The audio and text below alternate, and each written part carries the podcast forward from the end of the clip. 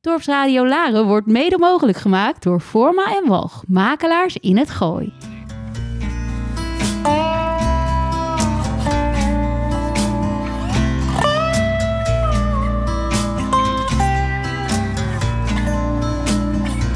Then that's God shall get, then that's not shall lose.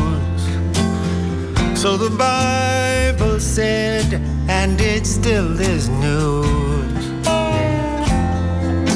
Mama may have, Papa may have. God bless the child that's got his own. So the strong get more while the weak ones fade. Empty pockets don't seem to make the grade. No. Mama may have, Papa may have. God bless the child that's got his own, that's got his own.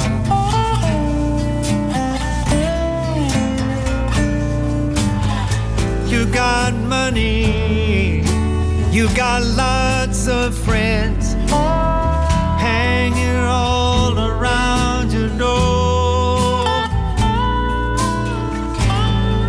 when it's all gone and the spending ends, no, they don't come around no more. Rich relations bring crusts of bread and such.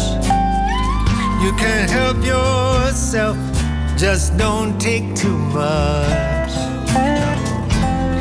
Mama may have, Papa may have, but God bless the child that's got his own, that's got his own.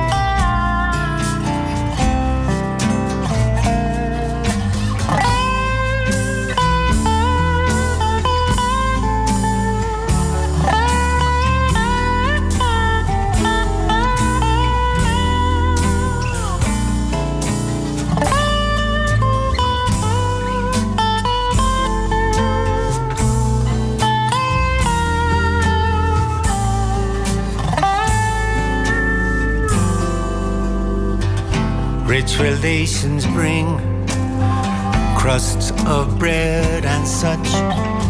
You can help yourself, just don't take too much. No. Mama may have, Papa may have, ah, but God bless the child that can stand up and say,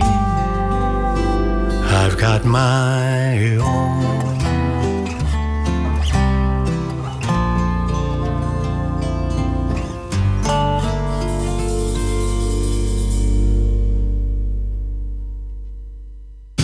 4 mei herdenken wij alle Nederlanders, burgers en militairen... die in het Koninkrijk of waar ook ter wereld zijn omgekomen of vermoord... sinds het uitbreken van de Tweede Wereldoorlog. In oorlogssituaties en bij vredesoperaties. Als we aan de Tweede Wereldoorlog denken, en dat doen we elk jaar nog steeds... dan weten we dat het nationaal socialisme tijdens de Tweede Wereldoorlog... Wereldoorlog in Europa een ware tragedie veroorzaakte. In Nederland alleen al waren er 100.000 Joden gedeporteerd en vermoord. Na de oorlog drong zich dan ook de vraag op wat er moest gebeuren met degenen die hier op een of andere manier aan hadden bijgedragen. Het, het antwoord was toen heel simpel en eenvoudig. Mensen moesten worden vervolgd en bestraft worden. Maar wat moest er met hun kinderen gebeuren? We gaan het, uh, het komend uur in ieder geval en misschien wel langer hebben over het, uh, het leed wat, uh, wat ook kinderen is aangedaan. er is op een gegeven moment al langer na de oorlog een tendens ontstaan een, een, trend ontstaan bij kinderen van, uh, van mensen die, uh, die bij de NSB of bij de Waffen-SS of de SS hadden gezeten. Die zichzelf ja, toch ook op een gegeven moment tot slachtoffer gingen uitroepen. Er zijn heel veel publicaties over geweest. En dat werd ook wel omarmd, zeg maar. We moesten wat breder gaan kijken naar het begrip herdenken. En het hele begrip oorlog, goed en fout, werd een wat bredere discussie de latere directeur van het NIOT heeft daar ooit uh, zeg maar een, een, een prachtige toespraak over gehouden. Ook daar komt dan weer een kentering in, want we zijn natuurlijk een prachtig gepolariseerd land. En uh, met, het, met het boek van, van de historicus Chris van der Heijden, die, die het hele begrip goed of fout zeg maar, helemaal ter discussie stelde, ontstond er weer een nieuwe discussie. Ja, het komende uur gaan wij praten met een, een auteur die een boek geschreven heeft over het verzwegen verleden van, van haar vader. Het boek heet Verzet en SS. En de auteur heet Karim van Beek en ze zit hier recht tegenover mij. Welkom Karim. Dankjewel. Jij bent, uh, jij bent, uh, jij bent de inwoner van dit mooie dorp. Jazeker. En ehm, jij bent op een gegeven moment, lang na de oorlog... zelfs lang na het overlijden van je vader... werd je echt als een, uh, daar door de bliksem getroffen. Werd je geïnformeerd over een rol uh, die jouw vader gespeeld had. Een tijdelijke rol in de Tweede Wereldoorlog. En dat gebeurde notabene in het prachtige, uh, bij het prachtige Rustwad. Ja, dat klopt. Um, ik wist dus, we hebben het dan over 2010, zomer. Het uh, zomerconcert wat Papageno, het geloof ik ook al door Papageno werd georganiseerd, weet ik niet zeker meer. nee, ik denk het eigenlijk niet. Maakt niet uit. Uh, we zitten dus uh, in, met een stel mensen, zitten we daar mooi te luisteren naar de muziek. En uh, op de weg naar het concert toe zegt een achterneef tegen mij van... hé, hey, joh, dit huis, je had het wel van mijn opa en oma... maar jouw vader heeft daar niet ondergedoken gezeten. Terwijl ik dacht, en dat had ik hem gezegd... hier heeft mijn vader nog ondergedoken gezeten. Nou, dat was het dan. Tijdens de pauze, of niet echt in de pauze... in een tussenstuk tussen twee delen muziek... Uh, zegt deze achterneef opeens tegen mij... ja joh, jouw vader uh, was helemaal geen... Uh, die heeft helemaal niet ondergedoken gezeten. Hij... Hij is met de Duitsers mee geweest uh, naar het Oostfront. Hij is een uh, landverrader. Ik denk, wat? Nooit, nooit één iets van gemerkt of gehoord. En wat, gebe wat gebeurt er dan met je? Nou, ik was, ik, de muziek die veranderde gewoon helemaal in mijn hoofd. Uh, het, het, het Nederlands Blazersensemble was aan het spelen, allemaal prachtig. En dat werd bij mij, ik zag op, ik hoorde gewoon Beethoven en met de Eroica en dat Napoleon ten strijde trekt op 21 juni. En het was die dag natuurlijk ook rond 21 juni. Misschien is dat de associatie geweest. Uh, om naar Rusland te gaan en dat te veroveren. Wat dus jammerlijk mislukt is. Precies hetzelfde. Wat gebeurt er destijds in 1941? Uh, gaat op 22 juni gaan de, gaan de Duitsers ook die kant op tot grote ja, um, hoe moet ik het zeggen? Uh, dus de minister van Propaganda, die vond dat niet zo slim. Ze hadden veel eerder willen gaan. En die was een beetje bijgelovig. Dus die dacht van shit, weet je wel. Nou, uh, wij, wij gaan ook op dezelfde datum als Napoleon, maar dan zoveel honderd jaar later, gaan wij ook die kant op. En bij Napoleon is het uh, niet gelukt. Dus dat voelde niet zo goed. Nou, eigenlijk heeft Goebbels gewoon gelijk gekregen. Want ze kwamen natuurlijk al uh, het jaar erop zaten ze gewoon al helemaal in de modder en de ellende. En was, eigenlijk was het gewoon in eind 41 al bekeken dat ze die oorlog nooit zouden winnen. Maar goed, natuurlijk stug doorgaan. Nou, dan staat de dochter van de vader, afgestudeerd antropoloog. Uh, daarvoor heb je heel lang in de reisjournalistiek gezeten. Je hebt programma, tv-programma's gemaakt. Uh, die wordt geconfronteerd met een mededeling die niemand wil krijgen. Uh, nou, je legt nu al even uit van uh, wat dat met je deed. Je was totaal flabbergasted en de muziek veranderde in je, in je, in je oren. Um, je beschrijft ook heel mooi in het boek van wat dat dan in het tijdsbeeld met je doet. Hè. Je, gaat, je laat het eerst even bezinken en je gaat praten. En waar kan je het beste gaan praten? Dat, want het ontstaat, en daar gaat dit boek over, er ontstaat een ontzettend lang onderzoek, maar daar komen we straks op. Maar je gaat eerst in, in kleine kring te beginnen bij je moeder en bij familieleden en vrienden. Probeer je te achterhalen wat, wat er misschien wel waar of niet waar van die opmerking zou kunnen zijn. Want je wist helemaal niks. Ik wist niks. Nee. nee. Uh, en trouwens, dus na, nadat die achterneef dat had gezegd, dat was van vaders kant. Was er van moeders kant na vijf dagen en op een begrafenis. En die zei van, oh ja, maar jouw vader was een NSB'er. Ik denk, nou hoor ik, landvader en NSB'er in één week. En toen ben, heb ik dus besloten om uh, mijn moeder uh, te confronteren met van... wat is hiervan waar? Want waar vuur is, of waar rook is, is natuurlijk vuur. Ja. Dus uh, dat is een confronterend uh, gesprek geweest. Maar toen dacht ik van het enige manier voor mij om dat goed te doen. Ik kan moeilijk het allemaal opnemen, want dan, dan blokkeer ik haar. Dus ik heb daar gewoon vijf uur lang gezeten met een bloknoot en een pen. En alleen maar geluisterd en naar haar aangekeken. En alleen maar continu alle steekwoorden achter elkaar opgeschreven. Want ik denk van misschien krijg ik nooit meer deze kans. Nee.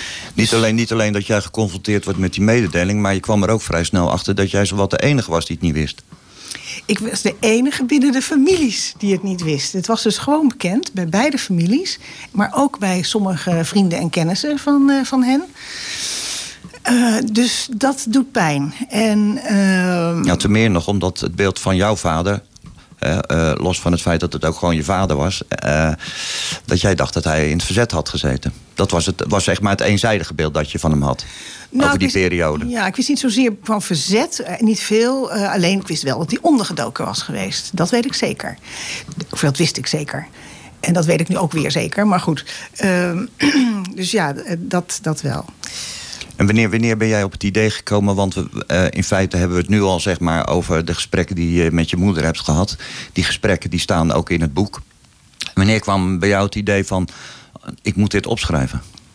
Dat is echt pas uh, later gekomen. Uh, misschien pas een jaar of drie, vier daarna. Want uh, ik wilde eerst alles. Het was echt voor mezelf. Ik denk van: ik wil weten wie mijn vader was. En waarom hebben ze mij niet vertrouwd om dat te zeggen, terwijl iedereen het weet in de omgeving. Um, en dan zou ik denken, als ouder, uh, dat komt een keer uit. Dus dan kan je het maar beter als ouder zelf vertellen. En ik vond ook van, ik ben oud genoeg nu om dat te weten. Ik was toen 55. Dus het is niet zo dat je een kind bent van 12... waar ze bang voor hoeven te zijn dat hij nee. wordt nagewezen of zo. Toen jij eraan begon, heb jij toen het idee gehad... Uh, ik stap er als journalist. Ik ben dochter, maar ik stap er als journalist in. En ik ga hier aan waarheidsvinding doen? Ja, eigenlijk wel. Uh, ik realiseerde me dat ik uh, uh, ook weinig wist van achtergronden over de Tweede Wereldoorlog in de 20e en misschien ook wel de 19e eeuw. Dus ik denk van die lacune moet ik gaan opvullen. Dus ik heb me echt aangemeld als uh, toehoorder bij de Universiteit van Amsterdam voor allerhande colleges die over dit soort onderwerpen gaan. maar ik dacht van, kijk, die literatuur, dat kan wachten. Wat het allerbelangrijkste is nu, is om mensen nog te achterhalen die hem destijds in die tijd hebben gekend. Uh, en dan moet ik opschieten, want die mensen zijn, waren toen zeg maar 80 plus. Ja. Tegen de 90, sommigen ja. al. Dus dat was mijn eerste ding. Dus daar heb ik me op uh, geworpen. Uh, maar ondertussen ben ik ook wel meteen een afspraak gemaakt bij dat Nationale Archief. Want ik dacht, omdat mijn moeder in dat ene gesprek had gezegd: er is een dossier ervan en er is, een, er is iets geweest, maar hij, hij was goed. En um, toen dacht ik van, nou, en het is gepubliceerd, zei ze nog. Toen dacht ik van, oké, okay, als er iets gepubliceerd is, moet ik het kunnen vinden. Nou, waar vind je zoiets? In het Nationale Archief in Den Haag. Ja. ik kan me heel goed voorstellen dat je, als je daaraan begint... Uh, uh, en aannemen dat je dat met een, uh, met een, met een blanco geest doet, ges geschokt... Maar, en misschien enigszins beïnvloed door de opmerking van je moeder al... dat je op het moment dat je eraan begint... dat je als de dood bent voor de uitkomst. Uh, ja, Want dat wil je niet horen natuurlijk. Ja, nee, klopt. Nee, nou ja, ik had echt zoiets van... ik wil gewoon weten wie, wie hij is, wie mijn vader is. Dus uh, ik ga er inderdaad wel open in. En het kan alle kanten op gaan. Nou, het enige, nou ja, het geluk wat ik had bij het Nationale Archief, daar vonden ze inderdaad zijn dossier, het strafdossier. En uh, dat kon ik dus inkijken. Dan mag je niet kopiëren, niks. Dus je moet alles zelf opschrijven. Um, en daarin stond van zo'n politie, zowel een politierapport als een soort inlichtingendienstenrapport, uh, dat mijn vader dus geen uh, NSB'er was, nog zijn familie, geen lidmaatschap, nooit iets met NSB-propaganda te maken had gehad, helemaal nada, niks. Dus ik was op dat moment kon ik één stuk familie kon ik gewoon afserveren. Zo van, jullie met je... Hij was een NSB'er. Nou, bewijsbaar, 100% bewijsbaar, dus niet. Nee. Dus dat, dat gaf mij net wat meer vleugels om, om gewoon verder te gaan. En, uh, Wetende dat, dat de andere vraagstelling, uh, het uh, dienst doen in, in, in, in, buitenlandse dienst... en in dit geval de SS misschien nog veel beladen is dan lid zijn van de NSB... waar heel veel Nederlanders lid van waren. Ja, maar ik was zo onwetend ook over die Tweede Wereldoorlog eigenlijk... dat, dat mij dat ook niet, nee. niet doordrong op dat, op dat moment. Nee, dat ben je gaan onderzoeken inderdaad. Ja. En over dat onderzoek en over het boek, we gaan er straks doorheen... Uh, gaan we zo verder praten. Maar we gaan eerst, om het de luisteraars ook allemaal een beetje te laten bezinken... even naar een stukje muziek luisteren.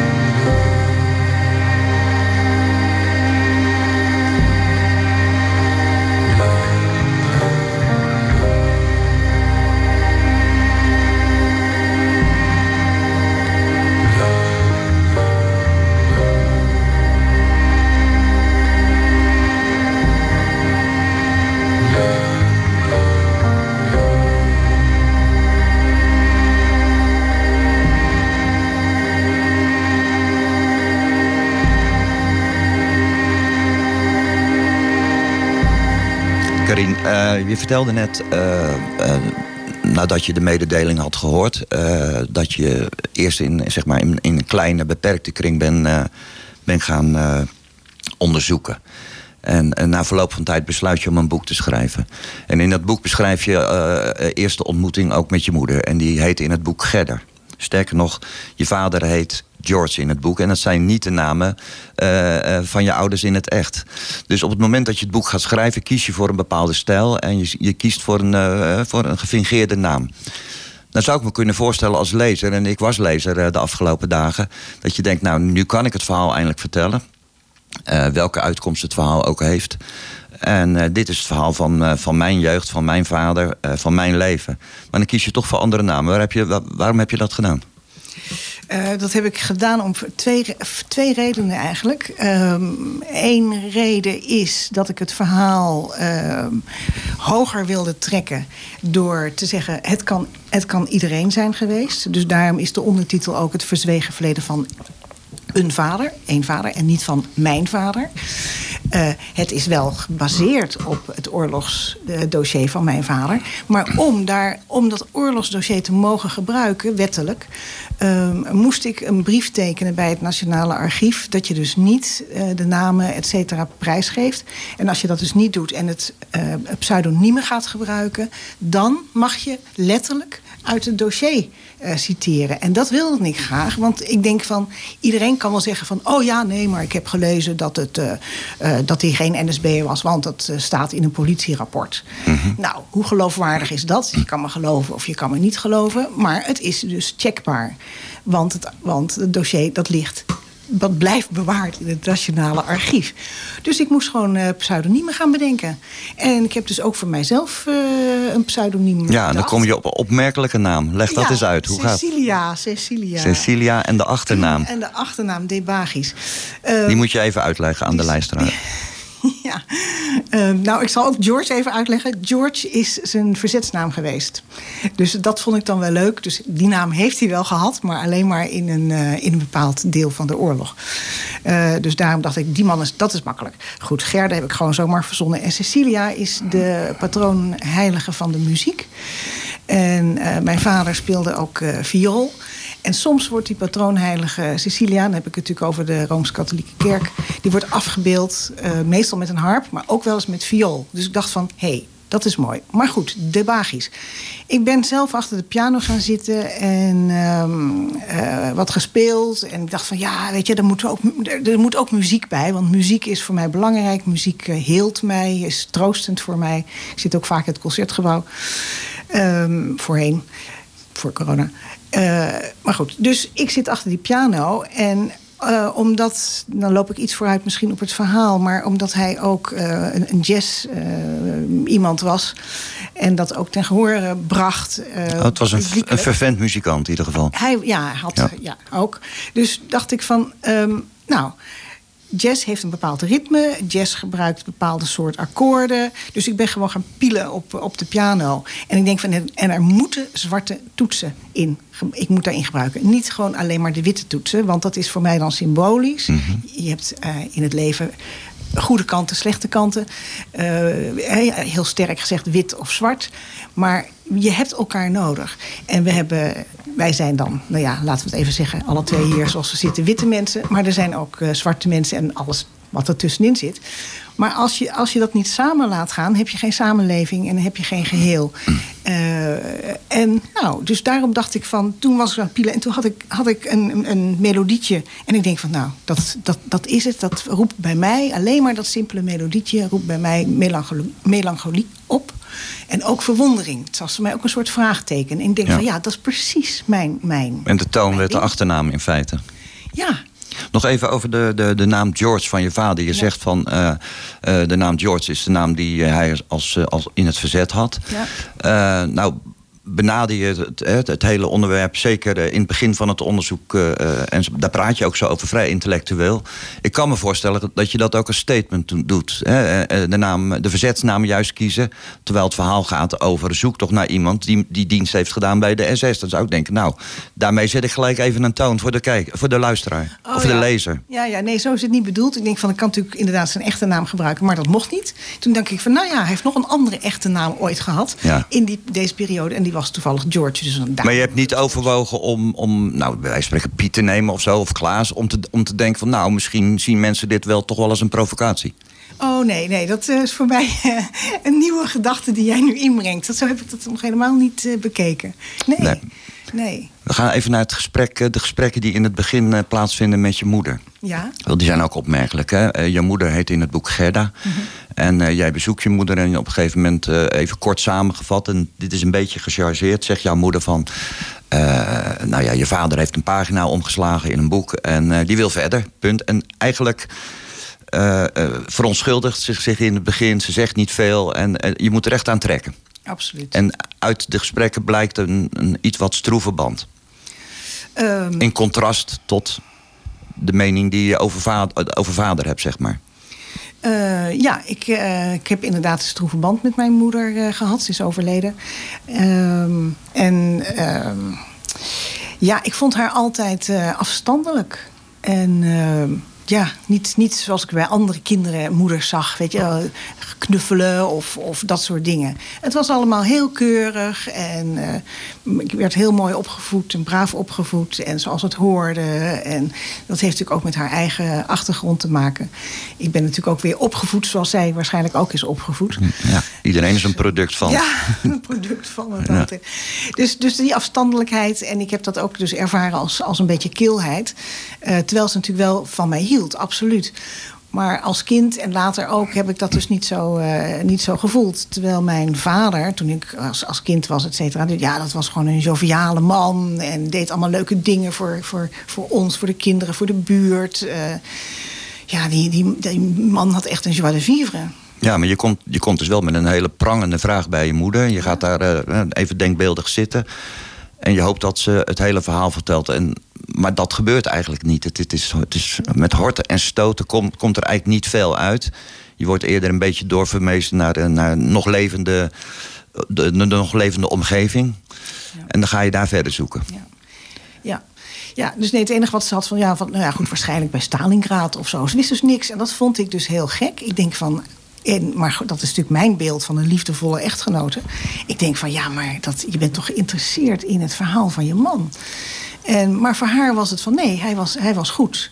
En uh, daarmee was het voor haar eigenlijk uh, punt uit. Maar ja. toch hebben ze het dus nooit verteld aan mij. Nee, we moeten er even bij vertellen dat uh, jouw ouders ook getrouwd zijn na de oorlog. Hè? Dus ja. in die periode waarin dit verhaal speelt, of een deel van het verhaal in ieder geval speelt, waren, zij, waren ze nog niet aan elkaar gekoppeld, zeg nee, maar. Als een 54, ze hebben elkaar echt na de oorlog leren kennen. Nee, en dan, dan, dan, dan ga je het spoor verder en dan kom je bij je familieleden, kennissen, mensen die nog leven.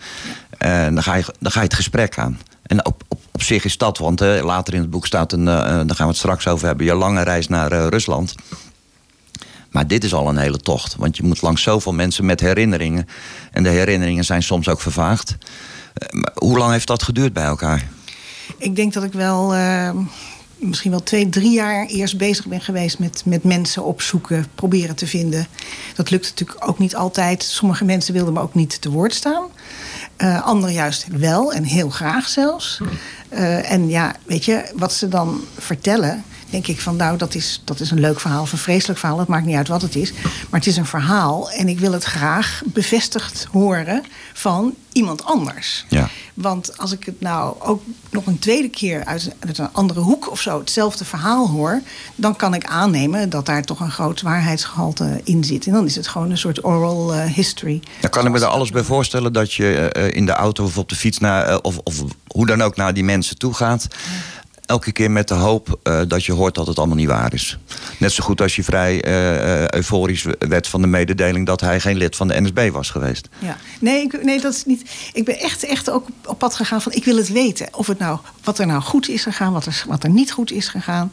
Uh, dat is mijn belangrijkste ding. Want ik wil weten wie hij was, wa, wat heeft hij gedaan. Uh, als dat achter kan. Ik wil gewoon zijn achtergronden leren kennen. Om te, om, om te gaan uh, kunnen, kunnen proberen te begrijpen waarom hij tekent voor zo'n Waffen-SS. Terwijl hij daarvoor en daarna in het verzet zit. denk ja. ik van nou, dat, dat vind ik, vond ik zo bizar.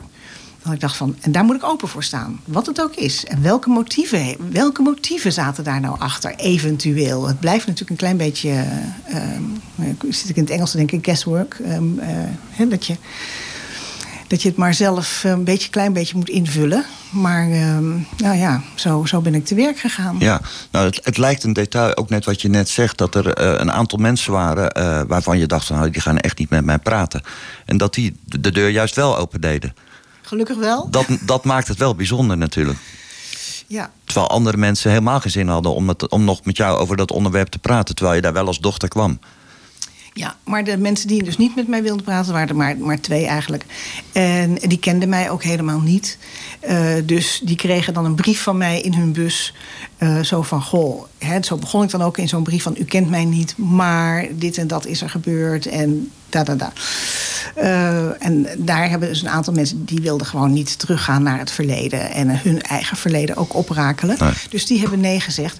Maar sommige, bij sommige mensen heb ik toch een, ietsjes meer aangedrongen. En daarna zeiden ze dan ja, zoals hier een hele lieve oude mevrouw waar ik nog zonnebloemen aan heb gebracht op een gegeven moment. En want die zei ook van ik wil dat verleden niet opnieuw oproepen. Maar goed, toen we elkaar toch ontmoeten. Toen had Dat werd een hele, hele hartelijke ontmoeting uiteindelijk. Een hele hartelijke Ja. ontmoeting. En joh, we hebben gezellig aan de thee gezeten. We hebben nog een glas wijn met elkaar gedronken. En eh, nou, dat was gewoon een fantastisch eh, moment. Met een totaal vreemd iemand voor mij. Ja. En zo zijn er meerdere geweest die Ik had die in- hebben ontvangen. Ik had het in de inleiding al even over de- op de- tijdsbeeld wat op een gegeven moment kan kantelen. En Het hoeft niet te veranderen, maar kantelen in de discussie. En dat er eh, op een gegeven moment eh, behoorlijk wat boeken zijn verschenen van, van kinderen, van eh, mensen die of bij de SS hadden gezeten of lid waren van de NSB. Zeg maar, de, de slachtoffers van de zoveelste generatie. Heb jij tijdens je onderzoek heb je ook deze boeken nog gelezen? Eh, ja, zeker. Ik heb, ehm, wat ik al zei, ik ben natuurlijk naar de Universiteit van Amsterdam gegaan om daar al die geschiedeniscolleges te volgen. Nou, dat betekent dat je dan ook hele literatuurlijsten meekrijgt. Want ik zat gewoon bij de dagstudenten.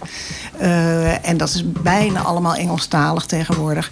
Dus ik heb, me vooral, ehm, ik heb vooral boeken gelezen in het Engels. Ehm, ja, echt meer academisch. Echt serieuze achtergrond van hoe dingen in elkaar zitten. En dat ze soms echt heel anders in elkaar zitten dan dat wij gewoon, als je maar een beetje wat weet van die oorlog, eh, ja, denkt te weten. Ja. En dan krijg je opeens een ander beeld ook van die oorlog en de achtergronden en hoe dingen gegaan zijn zoals ze toch zijn gegaan en waarom. En, ja, En hoe gaat het dan? Want je, eh, je, bent ook, je bent dochter, maar je bent ook antropoloog. Ja. Ik bedoel, eh, je kan de beroepsdeformatie volgen en zeggen van... ik ga als antropoloog het, eh, mijn, mijn vader afpellen als een ui. Of in ieder geval de situatie waarin hij verkeerd heeft... en, de- en de reis die hij gemaakt heeft. Maar je kan ook gewoon als dochter met een bepaalde emotie... altijd in je rugzak kan je het onderzoek doen. Hoe ben jij te werk gegaan? Ik denk dat ik meer te werk ben gegaan op een gegeven moment gewoon als researcher en antropoloog. Om, eh, want ik heb mijzelf gewoon heel antropologisch gezegd van ik stel één hoofdvraag. De hoofdvraag is waarom heeft hij getekend? Eh, terwijl hij dus daarvoor en daarna in het verzet zat. Ehm, en dan de waarom-vraag heb ik gewoon uitgesplitst in... Oké, wat, wat was de sociaal-economische achtergrond van hem? Eh, hij was gelovig. Wat betekende dat geloof in die tijd? De politiek. Dus al die, al die verschillende Ja. deelvragen... De algemene houding ten opzichte van het bolsjewisme. En, eh, Ja, weet je, en, en dus echt, echt het hoe, wat, waar, waarom. eh, Ja. Het waarom dus uitgesplitst in andere vragen. En die vragen heb ik eigenlijk voor mezelf als leidraad vastgehouden... om, om daarom te onderzoeken wat ik heb onderzocht. Omdat ik dus niet wilde... Ik wilde geen geschiedenisboek schrijven.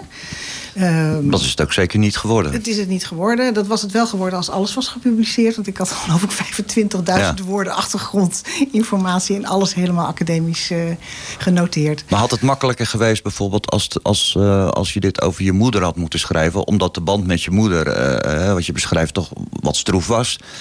dat je er wat makkelijker afstand van kan nemen... terwijl de band met je vader goed was... en eh, misschien voor de lezer eh, schokkend, eh, sommige lezers schokkend om te zien... dat die band ook heel goed blijft, ook in, in de beschrijvingen over je vader... en het gevoel eigenlijk wat je voor je vader blijft houden... Dus als het andersom was geweest, had je misschien toch nog meer als antropoloog kunnen werken. Want dan benader je het gewoon heel afstandelijk. Ehm, ja, misschien. Eh, je kan natuurlijk ook zeggen van, de, zeg maar, de, de Gerda, dus de moeder. Dat is natuurlijk ook een hele interessante eh, figuur. Ja. Maar daar heb ik me dus niet op gefocust. Die, ja, die heb ik gewoon ja, meegenomen in het verhaal. Omdat, het, omdat ik natuurlijk haar, via haar heel veel te weten ben gekomen. Maar het idiote is dat eh, het ook met mijn vader... dan had ik wel eens van... God, ik vind het toch wel af en toe een beetje een rare man of zo. Hè? Ja, dat vond ik ook wel eerlijk gezegd. Ja. ja. En, eh, ja, maar ook, ik bedoel, ook toen ik hem nog meemaakte als kind. En, ja. en Nee, maar ik heb het over hoe ik, eh, hoe ik over hem gelezen heb natuurlijk. Oké, een beetje raar man en imp- impulsief, weet je, dat, dat soort dingen. Maar toen ik dus steeds meer wist echt over die achtergronden, eh, wat hem eh, beïnvloedde... toen begon ik, denk ik, hem iets meer te begrijpen waarom hij inderdaad getekend heeft. En, eh, en eigenlijk begon ik dus. Op, eh, het is heel raar misschien wat ik nou ga zeggen, maar ik, ik, aan het einde van dit hele traject houd ik meer van hem dan voorheen. Ja. Nou, dat had ik zelf nooit verwacht. Nee. Ik dacht van, nou ja, ja, dit, dit kan natuurlijk niet. En ik vond het wel een leuke vader, maar nou, dat, hij, valt, hij valt van zijn voetstuk af. Ja. Maar juist door het weten en ehm, ja, daardoor kon ik, kon ik de situatie van toen beter inschatten, denk ik. En denk ik van, jezus, dat heeft die man een hoop meegemaakt. En dingen zijn gewoon fout gegaan, hartstikke fout zelfs. En zonder, het heel, eh, zonder het heel abstract te maken, als je... Zou Gerda, ehm, zoals jij haar beschrijft... zou Gerda uh, de personificatie kunnen zijn voor heel veel mensen in de Tweede Wereldoorlog... als we ervan uitgaan dat een heel klein gedeelte van Nederland in het verzet zat... een, een ander klein gedeelte was fout... en het grootste gedeelte van Nederland uh, ging gewoon, paste zich aan of keek weg die, dat wegkijken klinkt een beetje onaardig, maar eh, dat was wel het grootste gedeelte van Nederland. Probeerde het leven gewoon te leiden. Dat, je, dat Gerda, jouw moeder, toch uh, behoort bij die categorie, ook na de oorlog. Nou, dat denk ik wel, ja. Ik denk dat zij dus een van, zoals het genoemd wordt, eh, de omstanders is gebleven. Um, alhoewel um, ze ook dus in het huis van haar moeder... daar hebben ook nog twee onderduikers gezeten... Maar goed, zij was natuurlijk uh, ook jong meisje van een jaar of 16, 17 en zo. Dus dat is toch, ja, zat op school, op kostschool. Ja, ander, ander verhaal. Uh, maar inderdaad, meer, zij, zij is meer uit het, uit het grote, grote midden. Ja. Jij hebt net, uh, toen je binnenkwam, heb je een hele grote pot honing neergezet... om je stem af en toe te, een beetje te smeren. We gaan even een muziekje draaien. En na het muziekje gaan we het echt even hebben over over, over de, de verhalen die jij hoorde over je vader, wat voor soort man het was. En dan hebben we het echt over de periode voor de oorlog. Dank je.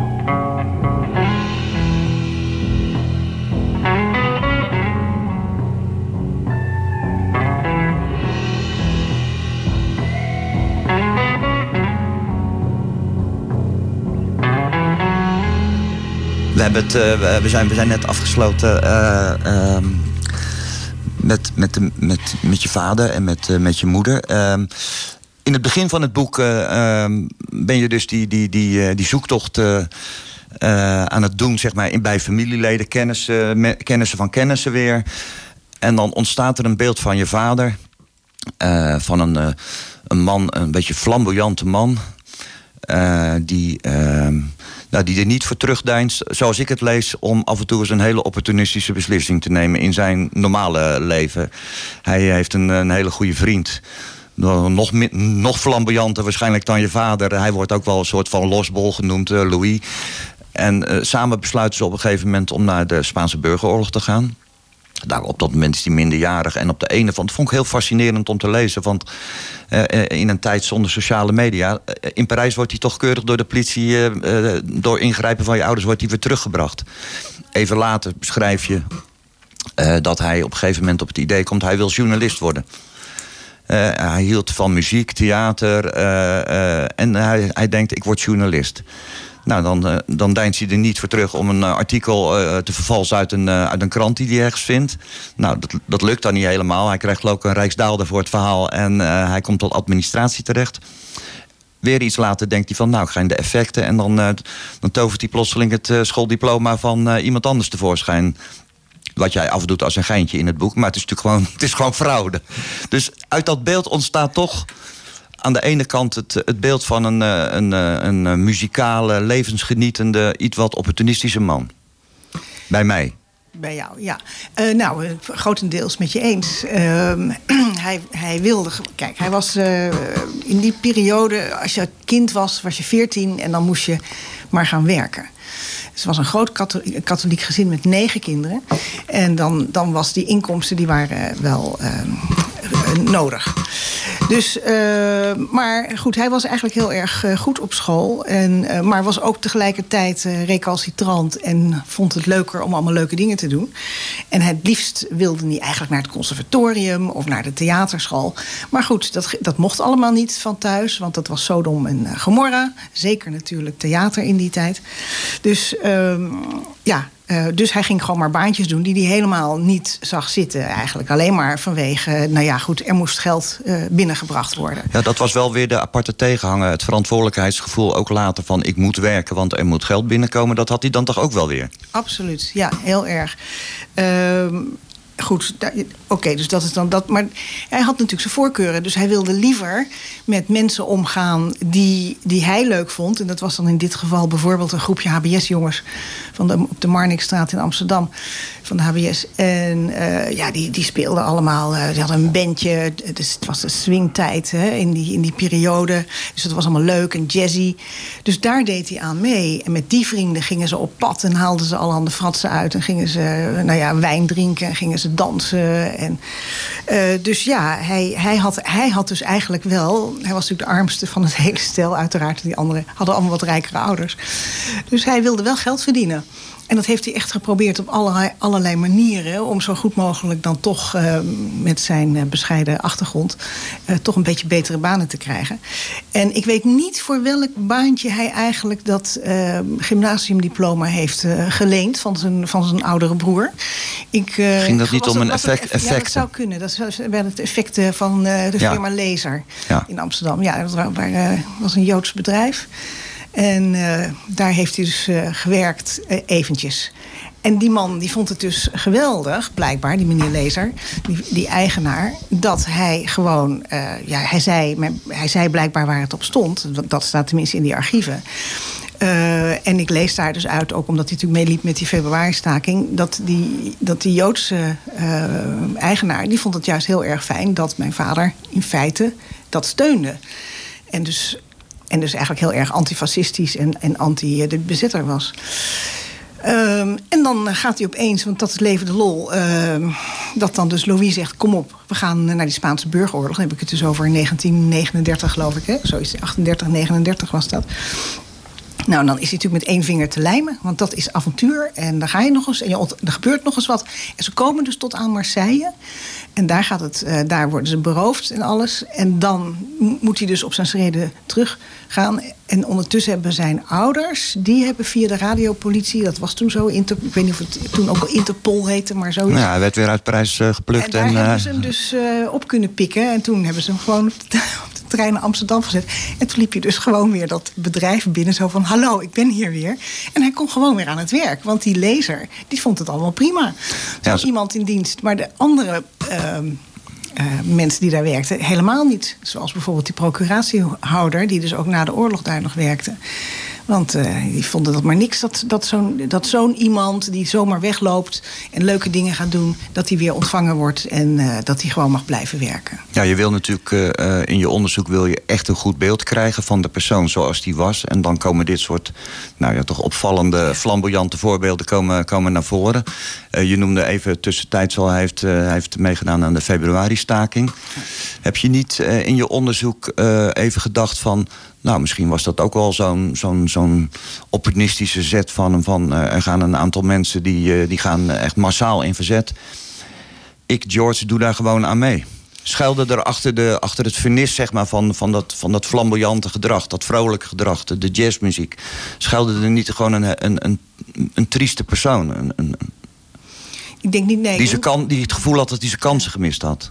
Ja, dat natuurlijk wel, dat laatste, dat hij zijn kans eh, niet kreeg. En niet kon doen wat hij graag wilde doen. Dat ben ik zeker met je eens. Ehm, hij had veel Joodse vrienden. En daar, daar, ging hij mee, daar gingen ze mee naar Tuschinski toen het nog Tuschinski heette. En de oorlog werd dat Tivoli genoemd. Maar goed, sideway. Ehm eh, hij had Joodse vrienden. Hij, hij sprak, dat heb ik pas onlangs eh, gevonden in een, in een schrijven. Hij sprak helemaal, hij sprak Jiddisch. Hij sprak vloeiend Jiddisch. Denk ik van, hoe is het mogelijk? Nooit geweten. Maar goed, dat, Nou, werd ik dat kwam door die Joodse vrienden dat, ja, waarschijnlijk. door de Joodse vrienden. Maar Ja. goed, hij had dus echt zo'n clubje van Joodse vrienden. En ook in de, ook in de daar, ja, soort aangetrouwde familie. Daar zitten, daar zitten ook wat Joodse contacten en zo. Daar ga ik nog achterheen. Ik heb nog een afspraak eh, over een paar weken met iemand... die mij daar nog iets over kan vertellen misschien. Ja. Dus eh, ja, ik denk echt wel dat hij, eh, dat hij... Hij kon het niet uitstaan dat die Joden dus geweerd werden. Want die werden dan ook geweerd in die cafés... allemaal rond het eh, Rembrandtplein... waar zij dus ook optraden, waar ze uithingen. Ehm, ja, dus ik, ik, denk echt wel dat hij... eh, en we hebben altijd, ook altijd met Joden... Is, daarna zijn ze altijd omgegaan. Eh, Met Joodse buren van ons zijn we op, later gewoon op wintersport gegaan. enzovoort, enzovoort, enzovoort. Dus het, hij was absoluut ook niet anti-Joods. Ik denk dat, er echt, dat dat wel echt wel zuiver was. Ik heb toen ik het las en eh, al die vergelijkingen, al die voorbeelden van, van zijn, zijn gedrag, zeg maar, en zijn manier van leven, die, die nou misschien met één woord zou kunnen samenvatten als heel vrolijk of vrolijk. Dat zijn alweer twee woorden. Ehm, de, vergelijking gaat misschien mank, maar er is een soort mensen die, eh, die, missen, die missen in hun leven dat ze een kans gemist hebben. Die misschien, missen misschien ook een beetje de warmte. Je ziet het bij, bij, eh, bij voetbalsupporters, hooligans zie je het ook wel. Die, die storten zich eh, heel opportunistisch op een tribune tussen mensen, want dat is hun familie. Had hij een beetje, had hij een beetje dat gevoel? Ja, het is zo jammer hè, dat ik al die vragen niet meer eh, die jij hebt, die heb ik ook. Dat je die niet meer kan stellen. Nee. Want nu ook is zijn eh, nou, het laatste zusje wat nog leefde... en wat mij dus heel veel heeft verteld over die familie... die is nu ook eh, overleden, dus dat is ook erg jammer. Maar zij, zij beschrijft het echt als een warm gezin. En hij was, ik, hij was het lievelingetje van zijn moeder... wat natuurlijk jaloezie weer opwekte bij de andere kinderen. Maar ik weet niet in hoeverre dat nou allemaal... Maar je bent er niet achter gekomen of hij dat zelf zo heeft ervaren. Nee, Werd er überhaupt over het verleden gepraat bij jullie thuis? eh, zeer weinig. Zeer weinig. Ja, want, want je noemt nou al even van. eh, eh, en in de stijl is dat ook belangrijk in het boek, denk ik. Want je bent bezig met een onderzoek. hij had Joodse vrienden, hij sprak Jiddisch. voor de oorlog. Dus.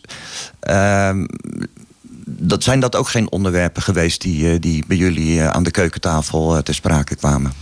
Nee, hij zong gewoon eh, liedjes van eh, Louis Davids bijvoorbeeld. En eh, voor, hij vond het nog steeds leuk om gewoon voor, in, weet je, voor kleine gezelschappen... maar dan voor, als er iemand een trouwerij was of weet ik veel wat... allemaal juist dat soort liedjes te zingen. Want dat was natuurlijk uit zijn tijd. Ja, maar het verhaal bijvoorbeeld even, even, even een stapje terug. Want ik kan me voorstellen dat dat een, eh, een hele leuke familie-anekdote wordt van eh, opa verteld. Of eh, vader vertelt van, weet je nog, ik ging met een vriend op stap. Want wij werden toch een beetje geïnspireerd door alles wat er in, in Spanje gebeurde. En wij zouden wel even, dat is nooit verteld. Nee, ik wist echt helemaal niets daarover. Ze hebben dat zo, zo uh, verzwegen. Ik denk, wat, als ze daar iets van hadden laten merken... dan was ik natuurlijk uh, waarschijnlijk gaan doorvragen. Want zo'n typeje was ik al, ook al toen ik al zo klein was. Ik wilde altijd alles weten. Dus ik denk dat ze daar bang voor waren. Dus daar is nooit over gesproken. Iets anders is dat we vooral met de familie van mijn moeder optrokken. En uh, de familie van mijn vader, de Amsterdamse familie. Ja, die, die zag ik hoogstens één keer per jaar als mijn vader jarig was. En kwamen ze even op bezoek en dan moesten ze gauw weer weg. Dus die twee families, die, dat boterde gewoon niet met elkaar. Nee. Vind je het raar als ik, uh, als ik het zo gelezen heb, uh, al die voorbeelden, dat ik hem, uh, hebben het even nu even over de periode voor de oorlog, zeg maar, misschien ook in het begin van de oorlog, dat ik het af en toe een trieste persoon vond, die, die zijn heil zocht, zeg maar, in, in de vrolijkheid. Maar ook het verhaal van zijn eerste liefde. Hij wordt gewoon afgeserveerd op grond van standsverschil. Ja, klopt. Ja, nee, dat is ook triest. Dat is niet een rechte lijn met, met wat hij thuis heeft meegemaakt... van je moet gewoon werken voor je geld. Maar het zijn allemaal toch een vormen van afwijzingen. Ja, nou, dat klopt. En uh, als klein kind had hij dus ook het idee dat hij misschien een vondeling was. Hè? Dat hij te vondeling was gelegd. Dat hij dus eigenlijk uit een andere soort familie kwam. Dus ik denk dat daar zeker, wat jij zegt nu met die uh, tri meer triestigheid of een soort teleurstelling. En ja, ja. Dat, uh, ik denk dat dat klopt, wat je zegt. Maar ik, kan het niet, ik kan het niet checken. Nee, Karim, we gaan, uh, we gaan na uh, een muziekje eerst en na het journaal... want dat, dat gaat hier gewoon door. Gaan we verder over de uitgebreide zoektocht die jij gedaan hebt. Zeker in Rusland. En de periode na de oorlog. we praten zo verder.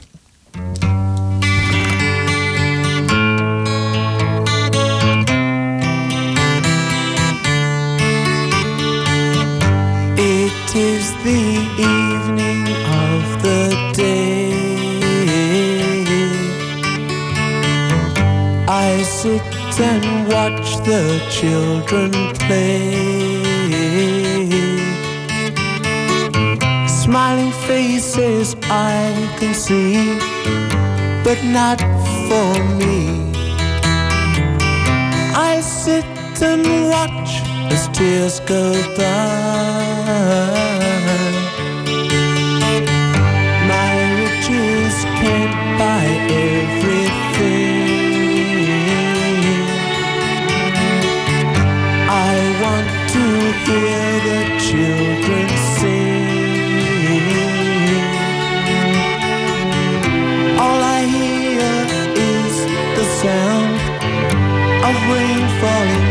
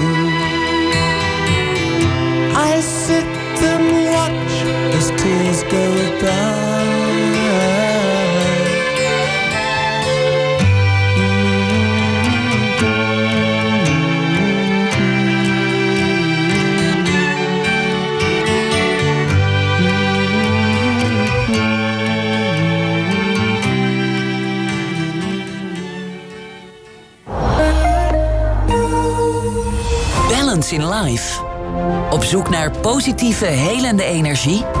Vanuit eigen ervaring en inspiratie biedt Ekaterina begeleiding bij het vinden van een nieuwe weg. Waarin creativiteit en vitaliteit in kunst centraal staan. Open een deur naar een rijker en voller leven en leg dit vast in een eigen kunstwerk. Balance in Life door Ekaterina. Nieuweweg 41b, Laren. Bel 0633 042842. Leef je droom. Wacht niet tot morgen. Wij van Barbier Algier zijn blij met het succes van Barbier Algier. Want onze kapsels zijn niet alleen heel mooi... nee, je wordt er ook nog eens knapper door. Logisch dat sommigen, en ik noem geen namen... ons idee proberen te pikken. Er zijn zelfs mensen die denken dat elke barbier hetzelfde is als Barbier Algier. Maar alleen bij Barbier Algier is het net even anders. En daarom adviseren wij van Barbier Algier... Barbier Algier... Dorpsradio Laren, nieuws en weer. Dit is Josta Staan met het radio nieuws. De Amerikaanse luchtvaartautoriteit FAA zegt het aantal gerapporteerde gevallen van wangedrag door passagiers aan boord van vliegtuigen explosief te zien stijgen. In een gemiddeld jaar was er tot voor kort sprake van 100 tot 150 gevallen. Sinds het begin van dit jaar is dat aantal gestegen tot 1300, terwijl het aantal passagiers onder het niveau van voor de pandemie blijft. Onhandelbare reizigers kunnen vanaf nu boetes tot 35.000 dollar of een levenslang vliegverbod opgelegd krijgen. De rechtbank in Arnhem doet vandaag uitspraak in de zaak tegen een groep zogeheten pedojagers. Deze jongeren zouden betrokken zijn geweest bij de fatale mishandeling van een 73-jarige man. Die werd op 28 oktober vorig jaar in Arnhem door vijf jongens aangevallen nadat hij online een afspraak met een minderjarige had gemaakt. Het OM eiste anderhalf jaar cel tegen de enige meerderjarige verdachte. Tegen twee minderjarige jongens is 12 en 15 maanden jeugddetentie geëist. De Koninklijke Marechaussee heeft op Schiphol zes mannen aangehouden die overlast veroorzaakten in een vliegtuig uit Spanje.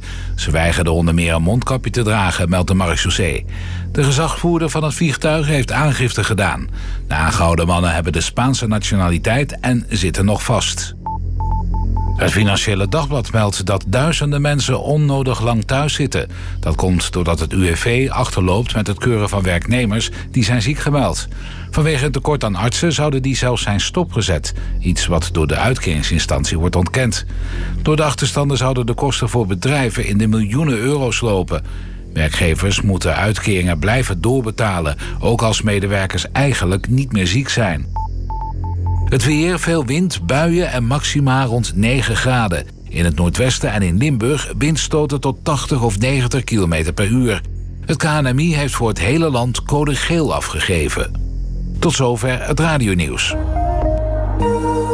Dental Art. Uw tandartspraktijk voor algemene tandheelkunde, facings, cosmetische tandheelkunde, tandvleesbehandelingen en alles wat bijdraagt aan je gezonde, gelukkige lach. Zoals ons vernieuwde pakket op het gebied van leefstijltandheelkunde. Meer willen weten?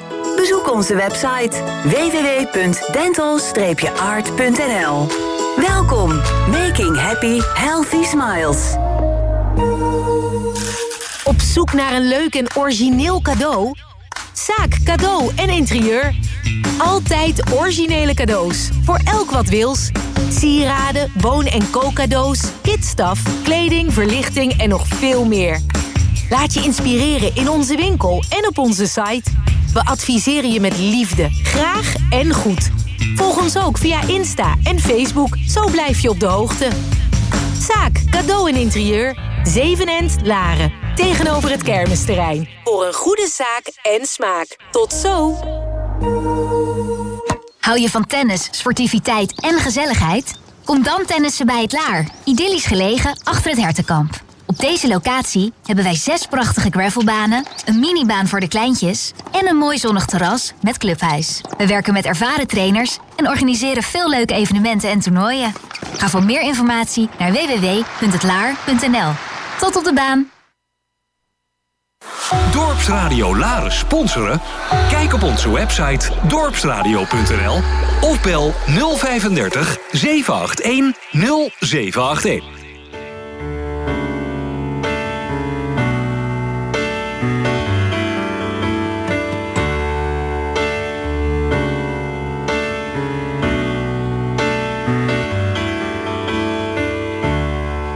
Kan nergens heen, maar in het zuiden wacht een vrouw nog steeds op mij alleen. Ze heeft flessen vol tequila en flessen vol gin. En dan neem ik mijn gitaar mee en mijn gouden ring. Er zijn vliegtuigstoelen, miljoenen bij bedoeling en bovendien zijn er limousines. En er zijn leugens over sterren die we toch nooit zien. Misschien neem ik Spanje als besluit en laat mijn schepen achter. Ik ga er stiekem tussenuit, een vlucht weg naar een nieuw begin.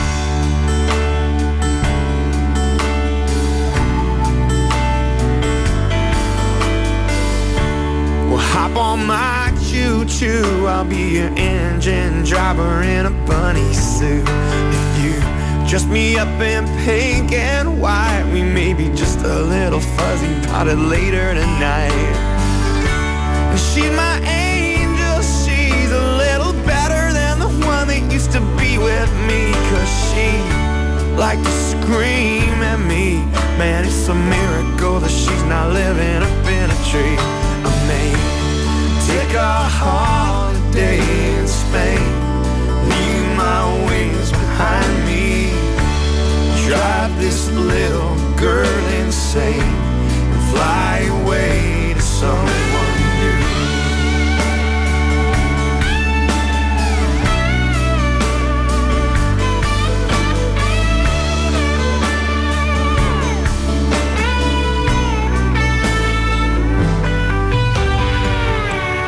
Everybody's gone. They left the television screaming that the radio's on. Schoenen zijn gejat, maar ik hoef niet meer naar buiten, want er is nog wel wat. Well, happy New Year's, baby. We could probably fix it if we clean it up all day. Or we could simply pack our bags. We gaan meteen naar Barcelona, want we moeten hier weg. Misschien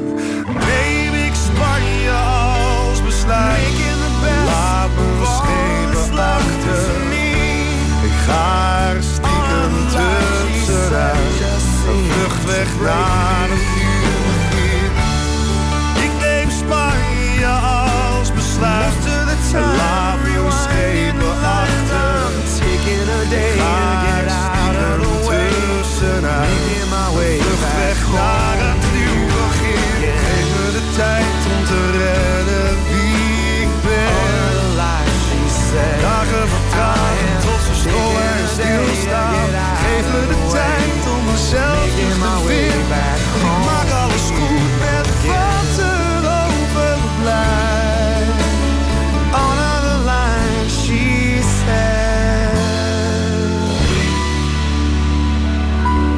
zijn weer terug. Eh, voor de luisteraars die eh, nu inschakelen. eh, we hebben het voorgaande uur ben ik al in gesprek geweest. uitvoerig al in gesprek geweest met Karin van, van Beek over haar boek Verzet en SS. Het verzwegen verlegen van een vader. En Karin, we gaan, we gaan verder. We, zijn, we, zijn, we hebben een aanvang gemaakt zeg maar, met het onderzoek wat jij hebt gedaan naar dat verleden van je vader. Eh, eerst in eerste instantie bij eh, kennissen, familieleden en omgeving. Eh, en dan stuit je op een gegeven moment, en dat is onvermijdelijk, daar gaan we het nu over hebben. In april 1942 tekent de flamboyante George, de man, de muziekliefhebber met Joodse vrienden, tekent onverwachts uit het niks bij de Waffen-SS. En daar begint eigenlijk de, de kern van het boek. Van, waarvan heel, als we, zeker in het, eh, in het kader van denken van goed en fout denken van hoe kan je dat nou in godsnaam doen? Ja, exact. Eh, ja, hij heeft dus gewoon eh, wat er gebeurd is op. Ik, gel- ik geloof dat het de avond was van 21 april 1942. En ehm, het enige wat ik ervan weet is dat. eh, ze, waarschijnlijk met de Swingphonians. Dus dat was dus de dans, het dansorkest, het swingorkest, waar hij eh, de zanger van was, de crooner. Ehm, hebben ze waarschijnlijk opgetreden. En dan, eh, dan werd je ook wel betaald met een, met een borrel. Want dat was natuurlijk toen al erg duur. Maar goed.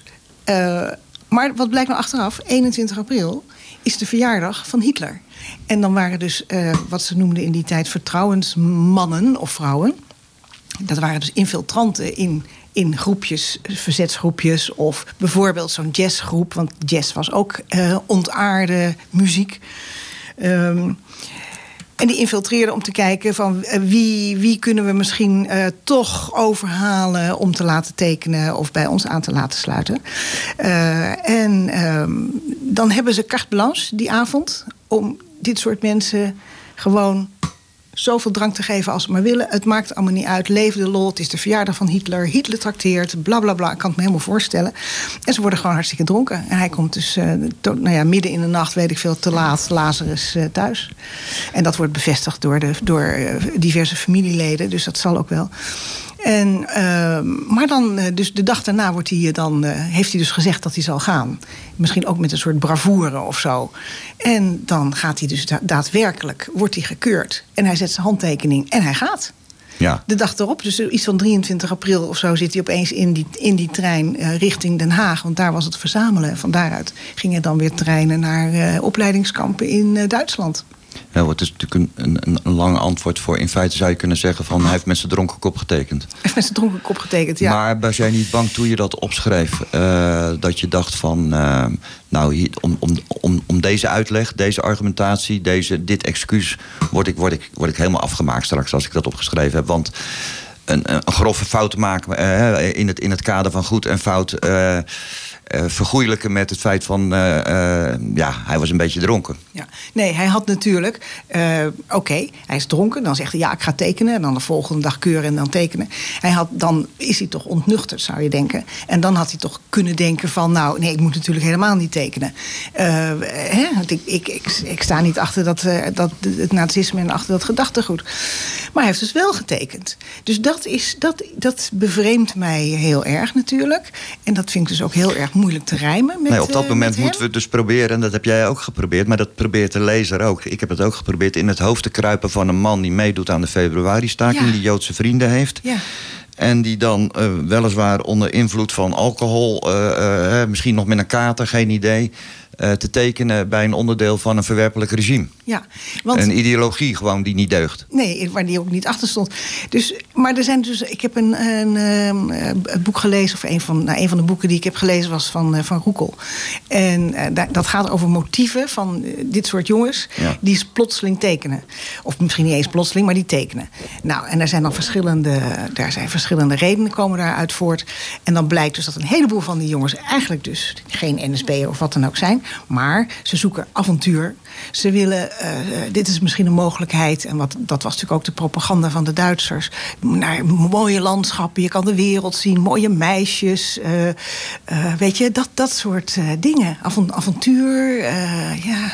Ja, even, even, je hebt het over Van Roekel. Dus de historicus die heeft, die heeft het wel een wee van eh, Nederlandse vrijwilligers eh, in de Duitse Waffen-SS onderzocht. Ja, en die klopt. kwam er dus ook wel achter dat er eh, onder die, die vrijwilligers, hè, want we hadden het in Ja. instantie natuurlijk was het een vrijwilligerslegioen. Dat- die zich aan het Oostfront nou, behoorlijk vaak schuldig hebben gemaakt aan, aan wandaden en moordpartijen op Joden en communisten. Ja, klopt. klopt. Dus ik kan me voorstellen dat als je dan op de naam van Roekel komt, dat je daar ook even van schrikt. Denkt van daar moet ik wel dieper induiken. Want misschien nee, kom ik de naam van George ook wel tegen in dat rijtje. Ja, nee, die naam ben ik dus niet tegengekomen. Maar eh, eh, hij, hij viel om. Het was natuurlijk april 42. En eh, er werd beloofd dat ze dus onder Nederlandse leiding en Nederlandse vlag zouden gaan. En dat ze dus, als je tekent, dat je niet hoefde te vechten tegen de geallieerden. En niet, en niet tegen de Joden. Dus dat was ook een manier om die jongens gewoon valselijk voor te lichten. En dan denken ze misschien van, nou ja, oké, weet je wel, dan is het toch wel een leuk avontuur en ik zie wat van de wereld.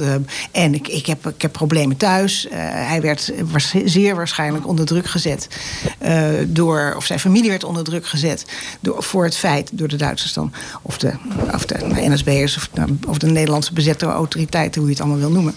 Ehm, eh, dat die familie dus onder druk werd gezet en ook zijn vader met, met, zijn, eh, met zijn winkel en zijn bedrijfje omdat hij had meegelopen met die februari-staking. Daarom is hij ook ontslagen gewor- geworden. De baan die hij toen had tijdens de februari-staking, 41, februari 41, daar moest hij dus weg. Omdat hij had meegelopen met de februari-staking. En dan, dan zie je dus dat er steeds meer druk wordt uitgeoefend op zo'n jongen. En hij ziet dan misschien gewoon een mogelijkheid om, denk ik van, nou ja, dan, eh, dan ben ik tenminste weg. En dan, eh, het is goed, eh, dan doe ik iets goeds voor mijn familie. Ja, hoe, wat voor een kronkel kun je in je hoofd krijgen? Ja, nou laten we aannemen dat het een kronkel is. Eh, want eh, hij, je zegt zelf van hij heeft aan die fe- februari-staking meegelopen. Hij had geen, eh, geen nazistische ideeën. Eh, hij, hij, de ideologie was hem, eh, was hem niet, eh, niet vreemd. Eh, Hij kende en, en hij vond er niks van. Of hij vond er wel wat van, maar hij, hield, hij hing hem niet aan. Tegelijkertijd, op het moment dat hij eh, eh, met de WAF-SS op Ja. stap gaat, komt hij met het argument eh, van, nou misschien kan ik wel spioneren daar. Dat, dat was ook een soort James Bond- Bond-achtige wending in het boek. Ja. Dat zou je ook kunnen zeggen van de periode daarvoor natuurlijk. Hè? Want het, het is een verzwegen verleden. Je weet niet alles. Je bent op onderzoek uitgegaan. Je zou ook kunnen denken, heel argwanend van... nou, misschien was jij wel heel erg gecharmeerd van die nazi-ideologie... en was je al bij die februari-staking aan het ronselen. Ja, dat zou kunnen. Ja, denk Nee, ik. Maar, ja, wetenschappelijk gezien, eh, als je, als, je de als je aan waarheidsvinding doet. Ja, ja, ja, maar goed, omdat, omdat ik dus natuurlijk al die archieven heb kunnen inzien en zo. En dat daar, weet je, dan bevestigd wordt op deze manier, denk ik van, nou ja, goed, laat ik daar dan van uitgaan. Waar moet ik anders nog van uitgaan? Nee. Hè? Ja. Dus dat, eh, dat neem ik dan wel mee. Maar goed, zeg maar, het tekenen op zich is natuurlijk ontzettend stom dat hij dat heeft gedaan. Ja. En eh, het is gewoon, gewoon, een, gewoon een foute beslissing op dat moment. En dat heeft hij meteen, ja, dat zag hij eh, al heel, heel erg snel in. Ik geloof na vijf dagen of zo al. Toen hij dus echt dacht van, oh godsamme, ik ben bij de verkeerde lui. Ik bedoel, dus de SS terechtgekomen in zo'n opleidingskamp. Ja, dat lezen we in het boek, hè? Ja. al die citaten. En, want jij gaat, je stopt niet bij familie en je Nee, stopt niet bij kennissen. zeker niet. Je gaat een reis maken eh, die een groot deel van het boek uitmaakt. Ja. En eh, nou, eigenlijk wat je probeert is, eh, is, is te schetsen die je daar ziet... om die te plaatsen naast wat je hebt gehoord en wat je vermoedt. Ja, ik wil dus je wil de situatie zien. Ja, en ik, nou, maar ik wilde gewoon checken wat ik had gelezen in die documenten allemaal. En denk ik van, klopt dat? Is dat waar? Is er zo'n kamp? Heeft dat bestaan? Is het er nog? Wat kan ik daar vinden? Eh, kunnen zijn daar nog mensen die mij nog meer achtergrond over zo'n kamp kunnen geven? En nou heb ik het bijvoorbeeld over het eerste opleidingskamp waar Ja. je terecht kwam. Nou, weet je, dus, dus zo heb ik dus, eh, om, eh, omdat ik dus in die archieven min of meer allerhande plaatsnamen werden er genoemd en, en, en nou ja, ook data en zo, dacht ik van nou. Alles wat daar staat, ga ik gewoon checken. Of het nou in Frankrijk is, of in Duitsland, of in, in de Oekraïne, eh, of nou ja, je Rusland tot, zelfs. Je hebt tot diep in de Oekraïne in bussen gezeten. eh, Absoluut. koud, verkleumd. En eh, was het dat waard? Ja, dat was het waard voor mij. Omdat je dan ontdekt dat, eh, dat zo'n oorlogsgeschiedenis... Iedereen, ik ook, had wel gehoord van Stalingrad... maar verder wist ik niet- zoveel. En dan zie je dus dat het, dat het heel... Dat, wat er allemaal gebeurd is aan het Oostfront... en al die militaire eh, bewegingen die ze daar hebben gemaakt. Dat er ook andere slagen zijn geweest die heel anders verliepen. En dan zie je hoe, hoe propaganda werkt, zowel van de Russische kant als van de Duitse kant, als van eh, ja, waarschijnlijk dan ook dus de Nederlandse kant. Eh, en dat vond ik gewoon eh, super interessant. Weet je, daar, ik, ik, ik dacht echt op een gegeven moment van, nou joh, ik, eh, ik moet gewoon helemaal gaan duiken in militaire geschiedenis. Vond vond Nou, je bent het ene archief ingedoken en, en het andere weer uitgekomen. Dat is, en hoe, hoe lang heeft dat bij elkaar geduurd? Dat, hele, dat gereis voor mij, dat, nou, ik denk dat, we wel, dat ik wel drie jaar ermee bezig ben geweest. Ja, je zou Ik heb ook, natuurlijk in stukjes gedaan, hè? Ik heb het natuurlijk niet achter elkaar die hele reis het heeft jou een beeld gegeven van de situatie Ook dat. waarin vermoedelijk je vader verkeerd heeft en andere mensen die daar zaten. Ja. Maar heeft het je iets, eh, het heeft je niet zo heel veel eh, opgeleverd op het gebied van waarheidsvinding. Nou ja, alleen maar om te, om te checken of wat ik gelezen heb in zijn, do- in zijn do- dossier, of dat klopt. Ja. Want ik denk van, oh, dat kan misschien verdraaid zijn. Nee, dat wel, dat klopt. Ja. Maar niet, niet de kernvraag van... eh, was mijn vader een, eh, eh, dan toch een nazi? of, of, Nee, daar kan ik natuurlijk niet, kan ik niet echt achter komen op die manier. Het enige wat ik heb gevonden is dat hij viel dan onder een, onder een, compagnie, of hoe dat allemaal ook heet, bataljon. En daarboven stond op een gegeven moment die Felix Steiner. Steiner, ja. En dat was natuurlijk een echte militair in de Pruisische zin. Eh, heel veel van die, eh, dat soort militairen, die waren. eh, ja, ze moesten natuurlijk. Ze hebben natuurlijk de eet afgelegd op Hitler en alles. En ze waren natuurlijk gewoon deel van het Duitse leger, waar Hitler dan hoofd van was. Maar dat betekende niet per se dat ze Hitler... ze vonden het maar een corporaaltje waar ze eigenlijk ontzettend op neerkeken. En dan heb je, vond ik zo'n bijzondere... ik vond het bijna een kronkel ook in het hoofd van die Felix Steiner. Maar, maar goed, zo heb ik het echt, echt gelezen in, eh, in de academische literatuur. Ehm, dat hij vond eh, dat een strijd, dus dan hebben we het over het Oostfront... waar hij zat eh, eerlijk moest zijn. Net als een, een oorlog. Dus het is zij tegen wij. Maar niet ehm, zomaar voor de lol een beetje beginnen te moorden. Wat natuurlijk ook enorm veel gebeurd is op allerhande plekken. Dus, Nou, dus dat toen is het meeste bij- oorlogs eigen, denk ik. ja, dus toen dacht ik nog bij mezelf, nou ja, gelukkig dat hij dan tenminste nog, eh, weet je wel, onder, onder zo'n iemand, nou ja, heel hoog, die heeft hij natuurlijk nooit ontmoet, is gevallen.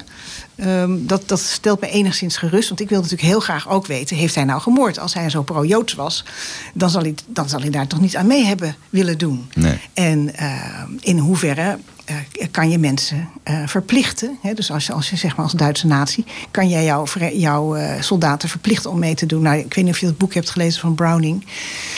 Nee. Ehm, Christopher Browning. Eh, en dat gaat over een, een, regiment. En dan mogen, maar dan mogen dus die, die Duitse mensen, die, dan, die soldaten die dan zijn opgeroepen en die mee moeten naar Polen en daar dan ook eh, Joodse Polen moeten vermoorden. Als ze het niet kunnen, dan hoeven ze het niet en dan, mogen, en dan hoeven ze het gewoon niet te doen. Is, maar de groepsdruk is dan vaak zo groot dat ze het dus toch gaan doen uiteindelijk. Ja. Die groepsdruk is dan eigenlijk eh, de, de, de sleutel tot het, tot het verhaal. Je gaf al aan dat dit, dit is echt een proces van jaren geweest. eh, Ja. beginnende Ja. Bij, de, bij de mededeling. En dan ga je jaren op reis. En ik kan me zo voorstellen dat je toch, eh, ondanks de liefde die je voelt voor je vader... en ook voor je moeder overigens op een andere manier... dat je toch elke keer het zwaard van Damocles boven je hoofd voelt hangen. En dat, dat in- als lezer had ik dat een beetje dat gevoel bij het feit dat je, dat je heel wetenschappelijk te werk gaat in, in Rusland. In ieder geval ben je echt aan het spitten. En dan ben je als dochter, niet als antropoloog, maar als dochter, ben je blij dat je te weten komt dat er ook eh, eh, Nederlanders die, eh, die bij dat legioen zaten, dat die in zo'n opleidingskamp het Wilhelmus nog zongen. Zo van, ze deugden toch wel. Het was een soort geruststelling van. Nee, ik, kon, ik zag dat, dat was trouwens in, in Klakenvoort. Dat was het tweede kamp waar hij eh, opleiding kreeg. Ehm, en daar, nou ja, daar hebben ze allemaal een beetje zitten, zitten saboteren... en hem gekke dingen zitten uithalen. En, eh, en onder andere dus op, weet je, op de verjaardag van koningin Wilhelmina... zijn ze dan opgetreden, want hij had daar weer een, bandje kunnen vormen. Ehm, heeft hij dan dus zelfs Engelse liederen staan te eh, zingen... en ook het Wilhelmus natuurlijk op die 31 juli... wat toen haar verjaardag was. Weet je, en dat, dat las ik dan ook weer terug in, in boeken. En dan denk ik echt van, nou ja, weet je wel, ze hebben het gewoon dus blijkbaar over hem. Dat er dus zulke idioten waren in, in zo'n eh, in zo'n groep... die dus dat, dat deden en dat durfden. Heeft hij, ja, en ik, ik zie het hem gewoon doen. Maar ik weet het natuurlijk niet. Maar ik weet, ik weet alleen maar uit het, weer uit het archief met... eh, zijn dagboek wat, daar, wat, wat ze hebben. Dat is, drie maanden heeft hij een dagboek bijgehouden in Klakenvoort. En daarin eh, schrijft hij heel klein kriegelig al, alles op natuurlijk. En dan, eh, dan staat er ook van ja, en dan 31 alles af, afgekort, hè, KGW. Dan gaan we zingen en ik zal het doen. En hij houdt contact met zijn, eh, met zijn vriendjes eh, in, in Nederland. Hè, dus die eh, jazzmuzici en zo. Dus dat staat er gewoon in. Dan denk ik van, goh, dat, dat heeft hij dus echt gedaan. En dan lees ik het later terug in zo'n academisch boek... van daar waren van die idioten die dat nog deur, dat niet al deden. Dan denk ik van, nou, misschien hebben ze het wel over hem. Er zullen er meerdere geweest zijn. Maar ze hebben het dan, dus daar is hij, zo'n soort type is hij dus gewoon. Het had ook zomaar kunnen zijn dat je ergens eh, diep in, eh, in, eh, in de Oekraïne of in Rusland een document was tegengekomen. Even terug naar Van Roekel, waaruit had gebleken dat jouw vader daar zich ook schuldig had gemaakt. Dan had je dit boek dan geschreven. Ik denk het wel. Ja. Ik, ik wilde echt gewoon weten. En dat, dat was mijn ding. En ik wil weten wie het was en waarom en wat en hoe er gebeurd is. Meer over je vader, meer over de periode na de oorlog en meer over dit boek. Nou, muziekje.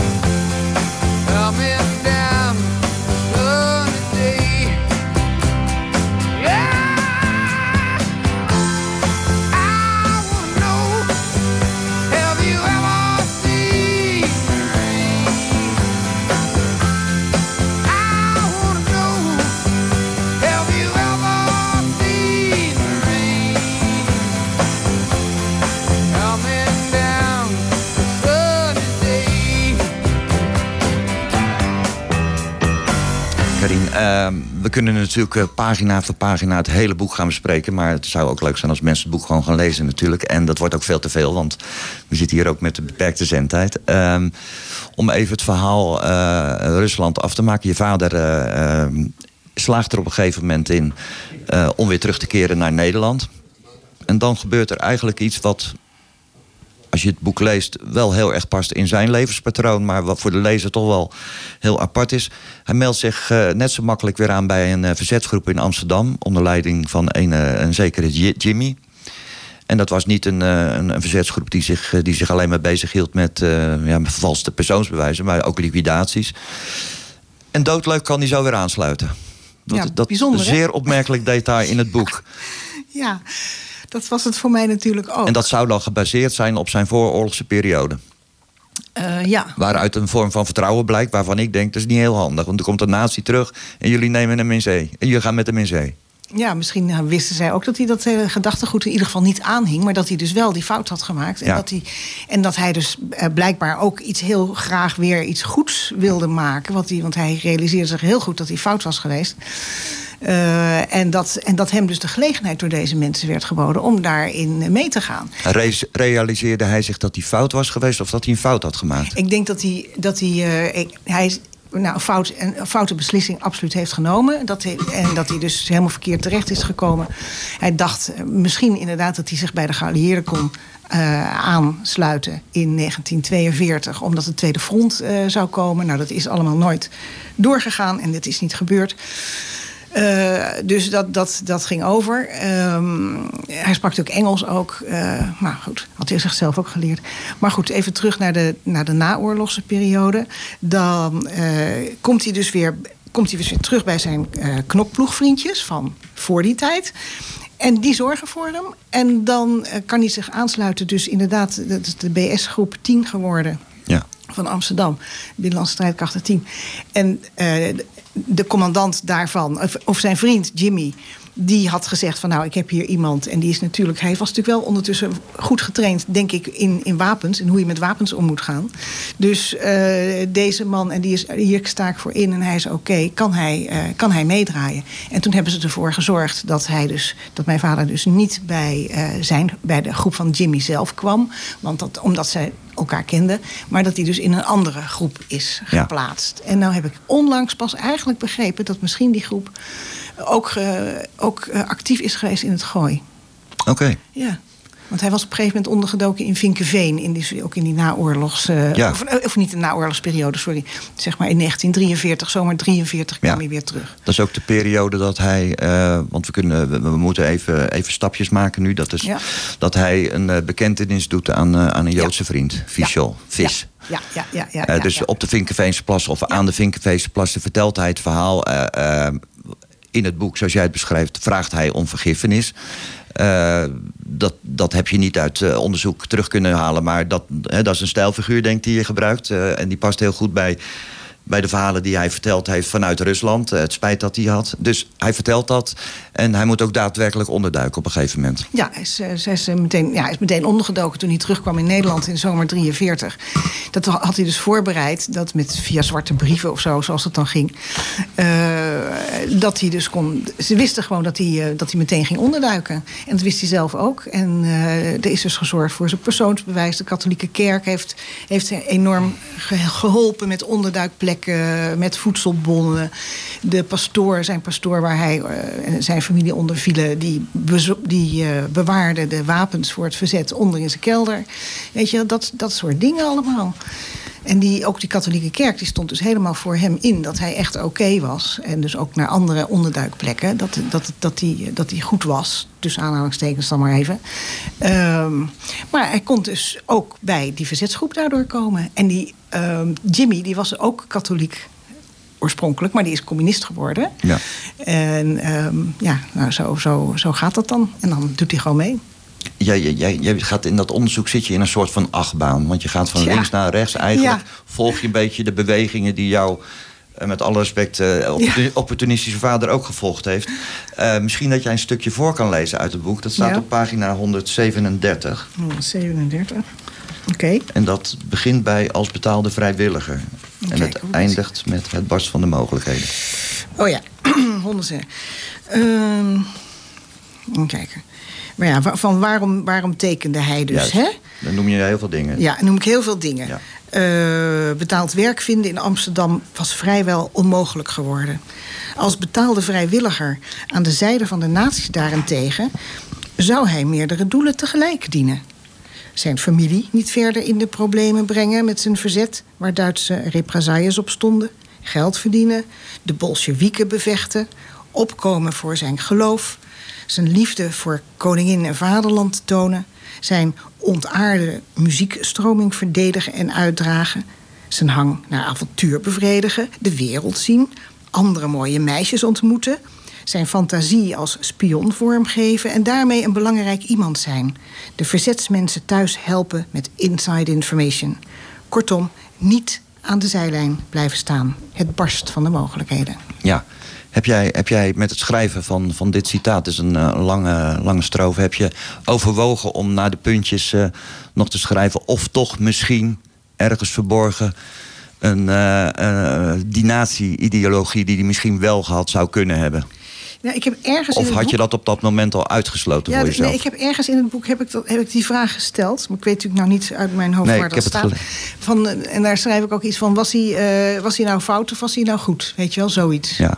En dan ga ik daar e- eventjes op in.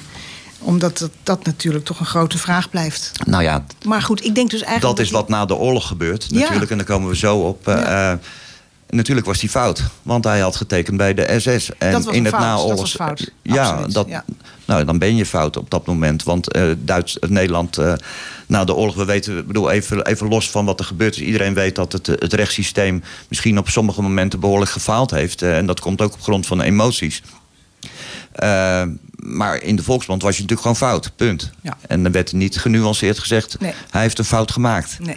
Maar je, je hebt, je- dat heb je ook niet overwogen om dat hier te zeggen van... nou, misschien had hij toch wel die ideologie. Misschien ben ik er niet achter gekomen, maar ik houd er stilletjes toch rekening mee.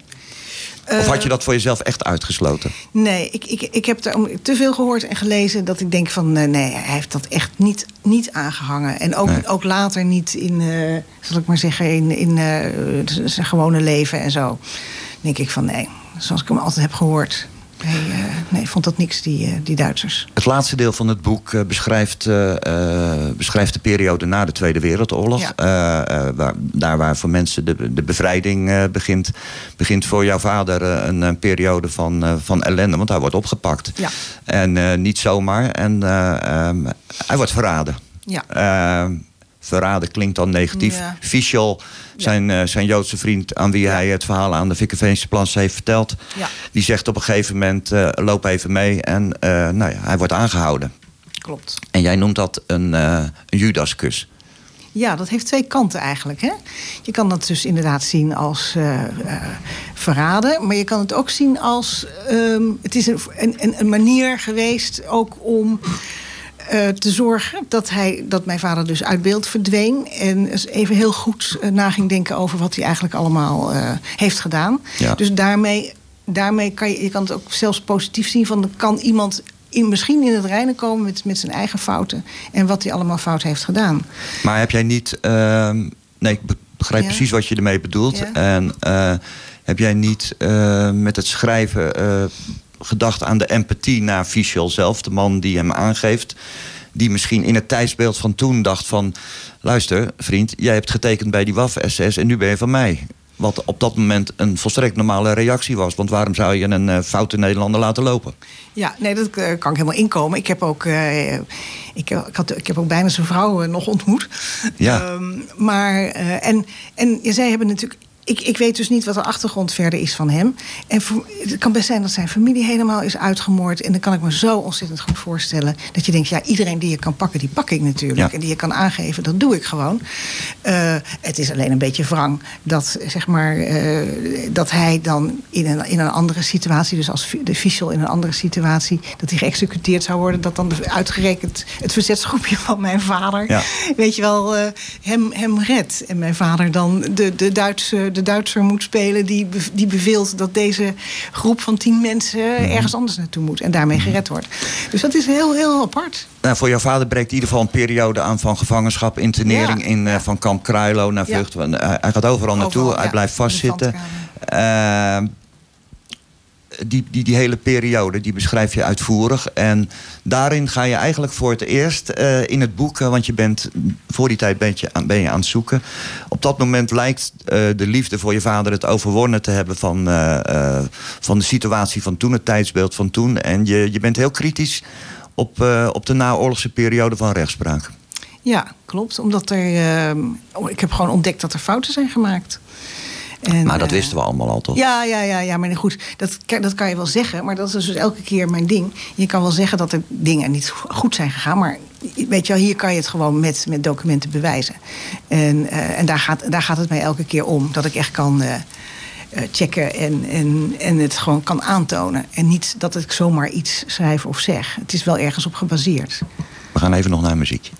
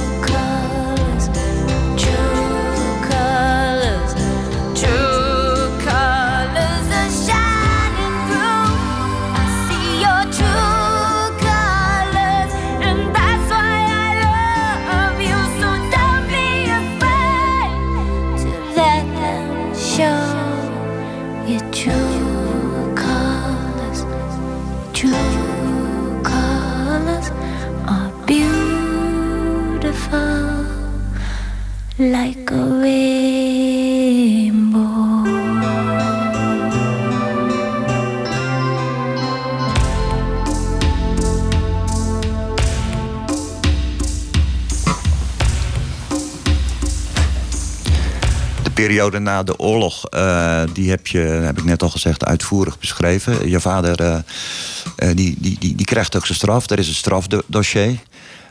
Wat ik mij afvroeg, wat ik miste in het boek, is de tekst van het strafdossier. Ja, dat, eh, dat kan. Dat, dat, dat, dat, dat is er. Dat mag gewoon niet. Het is, eh, Je mag niet citeren daaruit. Ik, mag, ja, ik, ik mocht citeren als ik dus pseudoniemen zou gebruiken. Ja, ja. En dat, en dat is het. En eh, ik kon ook geen. je mag zelf niet daar zitten en foto's nemen van de kopieën die je daar onder bewaking. Kan je dus het strafdossier eh, bekijken, moet je afspraak voor maken. Dus het is allemaal heel streng. Eh, want in het verleden zijn dus documenten door mensen gewoon die daar zaten om het te lezen over hun ouders of grootouders. Die zijn gewoon in een, in een tas gestopt. Dus dat willen ze niet meer. Dus het is echt onder bewaking dat je dat leest. En ehm, dan mag je kopieën aanvragen. En dan gaan zij beoordelen of ze je kopieën geven van bepaalde dingen. Nou, dus ik heb kopieën aangevraagd. En wat ik heb gekregen, die kopieën, ja, daar kan ik dus uit citeren. Onder de voorwaarden van eh, toch van bepaalde privacyregels. En dus daarmee dus het eh, pseudoniem. Ja.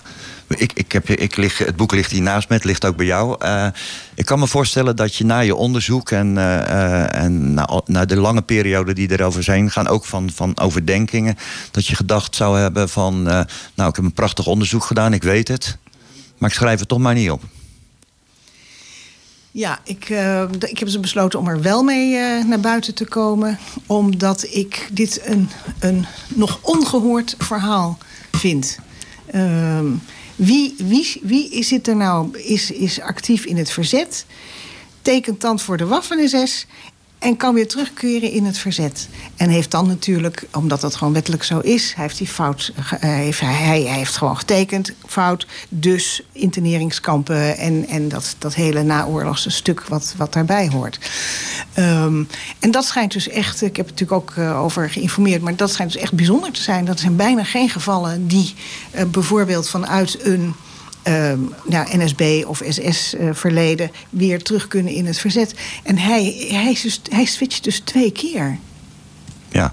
Heb jij er begrip voor dat mensen eh, die dit boek lezen, omdat eh, eh, je moet het boek echt twee keer lezen, vind ik ook. dat er mensen zijn die zeggen van, nou, die liefde voor die vader is zo groot. het is geen waarheidsvinding. Het is zoeken naar, naar gaatjes om, om hem vrij te pleiten. Het is een vorm van ontkenningsliteratuur geworden. Nee, ik pleit hem niet, ik pleit hem niet vrij. Ik laat gewoon zien wat er, wat er gebeurd is. En het, het is helemaal gebaseerd op, op documenten. Dus, Nou, ik vraag het hier mensen om- Mogen, kunnen natuurlijk wel zeggen. Ik, ik, weet- ik weet trouwens, het begrip ontkenningsliteratuur kende ik eh, zelfs niet eens sinds Ja. heel kort. dat pas voor de eerste keer hoor. Ik denk, waar gaat het dan over ontkenning? Wat, wat ontken ik dan? Ik ontken zeker niet. eh, gaan mensen denken dat ik soms de Holocaust of zo ontken? Integendeel. Nee, maar je? dat heb je mij ook niet horen zeggen. Ik kan Nee, me nee, voorstellen dat, niet wat ze dat. bedoelen. Nou, in dit geval dat de liefde eh, voor de vader en, en zijn manier van in het leven staan. En toch de wat eh, kritische blik ten opzichte van, eh, van eh, de Nederlandse samenleving en het rechtssysteem na de Tweede Wereldoorlog. Dat je dan gaat zoeken naar gaten die voor jou in ieder geval goed maken dat die liefde van die vader boveneind blijft staan. Ehm, nee, het gaat, het gaat mij ook om aan te, aan te laten zien van, eh, dat het dus eh, veel, die hele oorlogsperiode, eh, het is niet goed of het is niet fout. Het is ontzettend veelkleurig. Het is uiterst complex. En, en daar, daar moet ook oog voor zijn. En er moet ook oog zijn, denk ik, in Nederland, in, ook in de geschiedschrijving in Nederland en hoe je kinderen op een gegeven moment gaat onderwijzen. ehm, over welke rollen Nederland allemaal niet heeft gespeeld. In, niet alleen binnen Nederland, maar ook Nederland in een groter geheel. Nou, dat is, als je daar sorry, induikt, dan is dat niet, eh, niet erg fraai. Eh, daar, daar ben ik erg van geschrokken, eerlijk gezegd.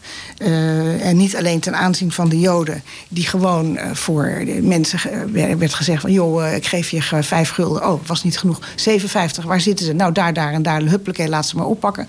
En toen moest er nog een restje, moest er nog, weet je wel, van de Duitsers wilden zoveel Joden uit Nederland hebben. En toen is op het laatst hebben ze in 44 nog 15 gulden eh, geboden aan mensen. Van als je maar iemand wist die nog ondergedoken zat, om die te verlinken. En, en de Nederlanders, die, die hebben dat gewoon gedaan. Het is voor mij ook een oproep, dit boek, om naar, naar onze Is dat een wat cynische blik? kijken. Nee, dat is, een, dat is gewoon helemaal geen cynische blik. Het is gewoon eh, kijken hoe, hoe dingen zijn gegaan. En niet alleen maar denken van... ach, eh, wij waren toch allemaal goed en anderen waren allemaal slecht. Nee, het is veel, het is veel, eh, veel complexer. En een heleboel instanties... die, waren, die, die hebben ook zich niet, niet zo erg netjes gedragen. Zoals onder andere de rechterlijke macht... zowel tijdens als na de oorlog.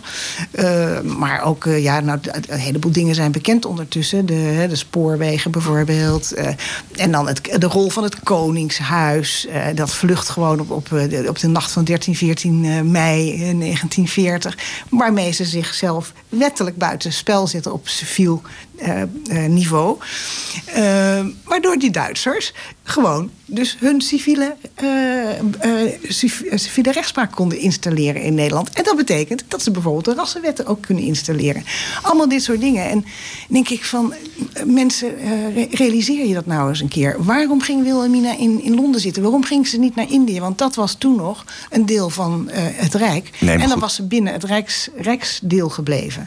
Weet je, allemaal, dus Ja, er zijn is- zoveel onderwerpen die... Nee, waarvan ik denk van Nederland, kom op, kijk ook een keer naar jezelf. Hou ook jezelf een spiegel voor. Nee, maar dit is natuurlijk een duidelijk politiek statement... waar, eh, eh, waar, waar je natuurlijk drie verschillende visies van historici naast kan zetten.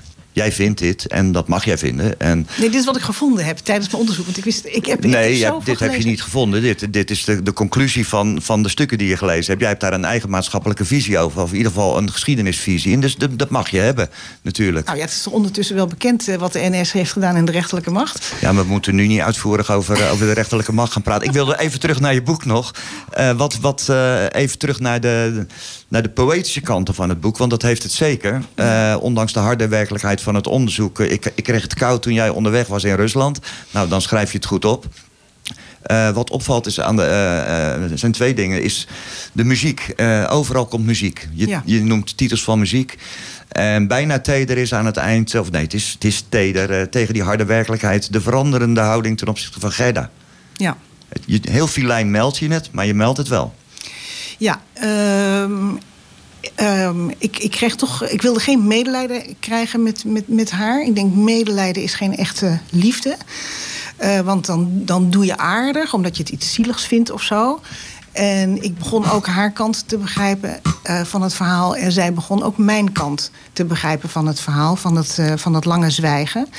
Eh, en mij dus niet informeren. Nou, ehm, en, en zeg maar haar eigen mm, angsten die ze eigenlijk heeft. Als, als je dus bang bent, angsten, ja, dan. dan dan weet je soms niet hoe je reageert. Eh, zij heeft op deze manier gereageerd. En dat begon ik ook te begrijpen. En dus het is elke keer voor mij willen weten. En daardoor ook kunnen begrijpen waarom mensen soms dingen doen die ze doen. En of dat nou goed of fout is, daar wil ik eigenlijk, eigenlijk helemaal geen oordeel over hebben. Vandaar ook dat mijn titel is Verzet en SS. Het is goed en fout. Hè, eh, die combinaties en alles wat daartussen zit.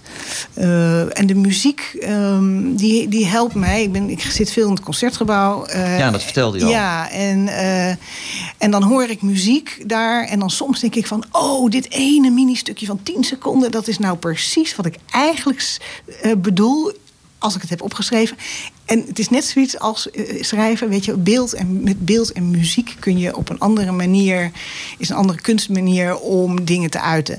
En schrijven is eigenlijk best heel moeilijk. Eh, want in, als je alleen maar muziek hoort, eh, dan, dan kan je daar je eigen gedachten op loslaten en je kan je je eigen beelden vormen.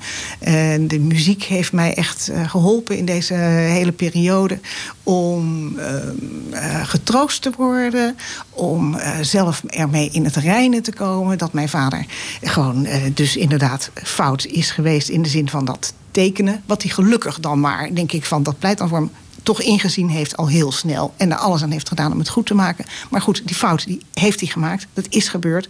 En daar heeft hij voor geboet. En daar is hij overheen gekomen en uitgekomen. En hij is er niet in gestorven in die interneringskampen zoals zoveel. Wel tuberculose natuurlijk gekregen, ook zoals zoveel. En hij kon dus en in de jaren 50 pas beginnen aan zijn leven. En hoe ga je om met, eh, met de kritiek van mensen die zeggen van... hij heeft getekend, hij was fout. En vergeet dat maar, vergeet dat, maar dat, dat verzetsonderdeel. Hij was gewoon fout, punt. Nou, dan, dan, dan zou ik ze willen oproepen van... eh, ga, ga eens nadenken ook, ook, ook over jezelf. Maak jezelf nooit een fout. Ehm, Nou, ik denk eh, dat er weinig mensen kunnen zeggen dat ze geen fouten maken. Maar dit is een soort fout die natuurlijk heel erg gevoelig ligt. Dat is helemaal, helemaal eens. Eh, maar goed, er is ook een andere kant. Er zijn zoveel meerdere kanten aan, aan, aan, een- aan een verhaal. En misschien moeten we ook helemaal af van die polarisatie. Die polarisatie is, is gewoon rampzalig. Het is ook weer het wij-zij-denken. Dat is ook een heel antropologisch onderwerp. Maar wij tegen zij, weet je wel. En eh, je- daaruit uit dat wij-zij-denken een volk of mensen, groepen wegzetten van jij bent fout of jij bent goed. En we zullen je, we gaan druk op je uitoefenen en we zullen je vermoorden. Het leidt tot genocides. Denk aan de genocide in Armenië. Eh, en uiteraard de genocide die gepleegd is in onze Tweede Wereldoorlog op de, op de, op de Joden uit, eh, uit, uit heel Europa. Hè, al gewoon vernietigd en vergast eh, industrieel in, in, in kampen. Ehm, en dat gebeurt dus als je groepen wegzet of tegen elkaar probeert op te zetten. Dus ik, mijn pleidooi is van. Jongens, die polarisatie, dat brengt ons alleen maar verder van huis af. Probeer juist eh, van beide kanten dingen te begrijpen, zodat je meer in dat en-en-stukje komt. Ehm, en misschien is er dan hoop op dat er niet, niet weer de volgende eh, ellende en genocide in de maak is. Nee, want je zei eh, herdenken is, eh, overde- Herdenken. is Is overdenken. opnieuw denken aan dingen. Waar zitten jouw gedachten vanavond om acht uur? Mijn gedachten om acht uur. Die, ehm, die, mijn gedachten zullen heel erg uiteenlopen, denk ik. Maar ik denk dat ik aan, denk aan allerhande mensen. Heel veel mensen. Ehm, en misschien ook wel aan, als je het zeg maar over de Tweede Wereldoorlog hebt... dan niet alleen over gevallen eh, Nederlanders. eh, eh, nou ja, Joodse families die ik... Jo- Joodse families die ik, die ik ken en die uitgemoord zijn, waar er nog eentje van over is. Eh, maar ehm, ik denk ook aan, een, voor mijn part ook aan de, de vijandkant, aan de, de, de voormalige Duitsers, die ook eh, gestorven zijn en gevallen zijn. Want er zijn een heleboel jongens die ook absoluut tegen hun wil eh, mee moesten. En geen enkele keus hadden. En dus ik denk aan de mens. Ik denk gewoon aan mensen. Ongeacht wie of wat ze zijn. Universele gedachten. Ja. Ik wil afscheid van jou nemen door met eh, jou erg te bedanken dat je hier eh, vanochtend aanwezig wilde zijn. Graag gedaan. Eh, ik, ik vond het een fijn en boeiend gesprek. Ik denk dat het heel goed is dat het 4-5 mei-comité besloten heeft dat ook dit soort onderwerpen horen bij denken, herdenken en bevrijding vieren. Ik wil afsluiten met, met nog even te melden dat het boek prachtig is vormgegeven met een schilderij van Emily Lindenberg, Hilversumse kunstenares. Het heeft hier zelfs ooit beneden gehangen, vertelde je net. Ja. Eh, het boek is uitgegeven door eh, uitgeverij Schaap 14. Schaap 14 uit Bloemendaal. Ja. En het staat prominent eh, in de etalage van de Larense boekhandel. Pal naast Soldaat van Oranje van Erik Haashoff Roelsema. En dat zijn, eh, dat, ja zeker, ga je gang. Ja, en ik wil jullie, jullie heel erg bedanken dat jullie het eh, zo openstaan voor het feit dat er meerdere verhalen zijn met meerdere kanten. En dat eh, vind ik echt, echt bewonderenswaardig. En in deze tijd ik denk van dat geeft mij ook een sprankje hoop dat, er, dat mensen misschien toch meer naar elkaar toe kunnen groeien in plaats van zo uit elkaar groeien en ook uit elkaar worden gezet. Karin van Beek, dankjewel.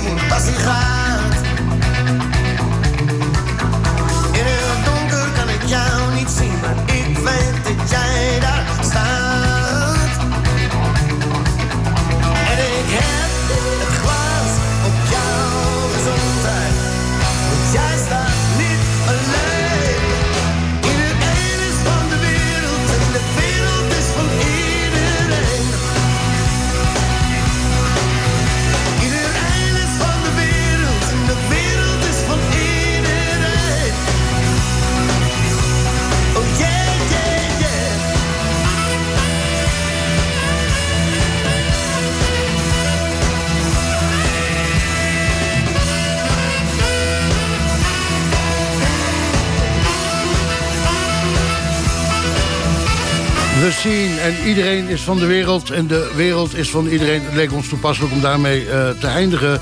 eh, deze serie van over 4 en 5 mei... die we de afgelopen dagen hebben eh, uitgezonden. In de studio hebben de twee heren van het eh 4 en 5 mei-comité... en die willen graag nog even wat zeggen. Ja, ik, John Timmerman, ik wil toch nog een dankwoord uitspreken voor, voor het geweldige werk wat hier gedaan is. Wij als comité zaten te denken van wat kunnen wij nog eh, in deze tijd. Eh, de herdenking is er wel enzovoorts. Eh, naast de kunstroute vonden wij dit een ontzettend leuke, leuke aanvulling. En in overleg met Erik bood hij vier dagen van twee uur aan. Nou, dat hebben we denk ik fantastisch ingevuld. Dus dat is ten eerste een enorme dankwoord aan Erik. Maar daarnaast een enorm dankwoord aan Wim. Ik weet eh, hoeveel ontzettend veel Wim, werk hier, Wim hierin heeft gehad. Eh, van onschatbare waarde om zich helemaal te verdiepen in alle personen die hier geweest zijn en alle onderwerpen die aan bod zijn gekomen. Eh, nou, ik vind dat, dat enorm goed. Enorm fijn dat, eh, dat dit allemaal gedaan is. En ik heb voor persoonlijk een doos, grote doos mercies voor Wim. En een grote doos mercies voor Erik. Ah, dankjewel. Mag je ook uitdelen. Maar, eh, dus, eh, dus ik, denk, ik vond het geweldig om, hier, eh, om dit allemaal... want ik ben hier drie dagen geweest ook. Ik vond het geweldig om dit mee te maken. En ook geweldig om, eh, om hoe dit allemaal georganiseerd is. Hartstikke bedankt namens mijzelf. En namens het comité. Dankjewel. Ja, dan als eh, voorzitter van het 4-5-comité wil ik hierbij eh, aansluiten. Ehm, in deze coronatijd is het niet altijd eenvoudig om te herdenken op de manier waarop we dat gewend zijn. Het 4-5 mei-comité heeft eh, nieuwe ingangen gevonden. Onder andere door deze serie interviews die de afgelopen vier dagen eh, te horen zijn gebracht door de dorpsradio. En het blijkt ook weer wat voor een mooi instituut dorpsradio eh, kan worden. Steeds meer luisteraars die dit Larense nieuws met elkaar wil delen. Het is fantastisch hoe jullie jullie bijdrage aangeleverd hebben. Ik heb de afgelopen vier dagen geboeid geluisterd en ik vond vandaag het hoogtepunt. Wim, bedankt. Erik, bedankt. En heel veel succes, succes met jullie eh, dorpsradio. Dankjewel, Chris. Heb jij ook zo zin om te sporten? En wil je graag een functioneel, mooi en comfortabel outfit? Kom dan naar Sport Passion. Wij helpen je aan de juiste schoenen, kleding en alles wat je nodig hebt om jouw sport met veel plezier te beoefenen. Met onze jarenlange sportervaring en passie voor de beste producten nodigen wij jou uit om te komen shoppen. Je vindt Sport Passion aan de Nieuwe Weg 35A in Laren. Liever online? Dat kan ook. Kijk dan op sportpassion.nl. All You Need is Health. Het initiatief ter bevordering van preventie en een gezonde leefstijl. Vind jij een goede gezondheid in deze tijd ook zo belangrijk? Of wil je je gezonde bedrijf of actie zichtbaar en vindbaar maken? Doe mee. Laten we samen in beweging komen. Kijk op onze website www.allyouneedishealth.nl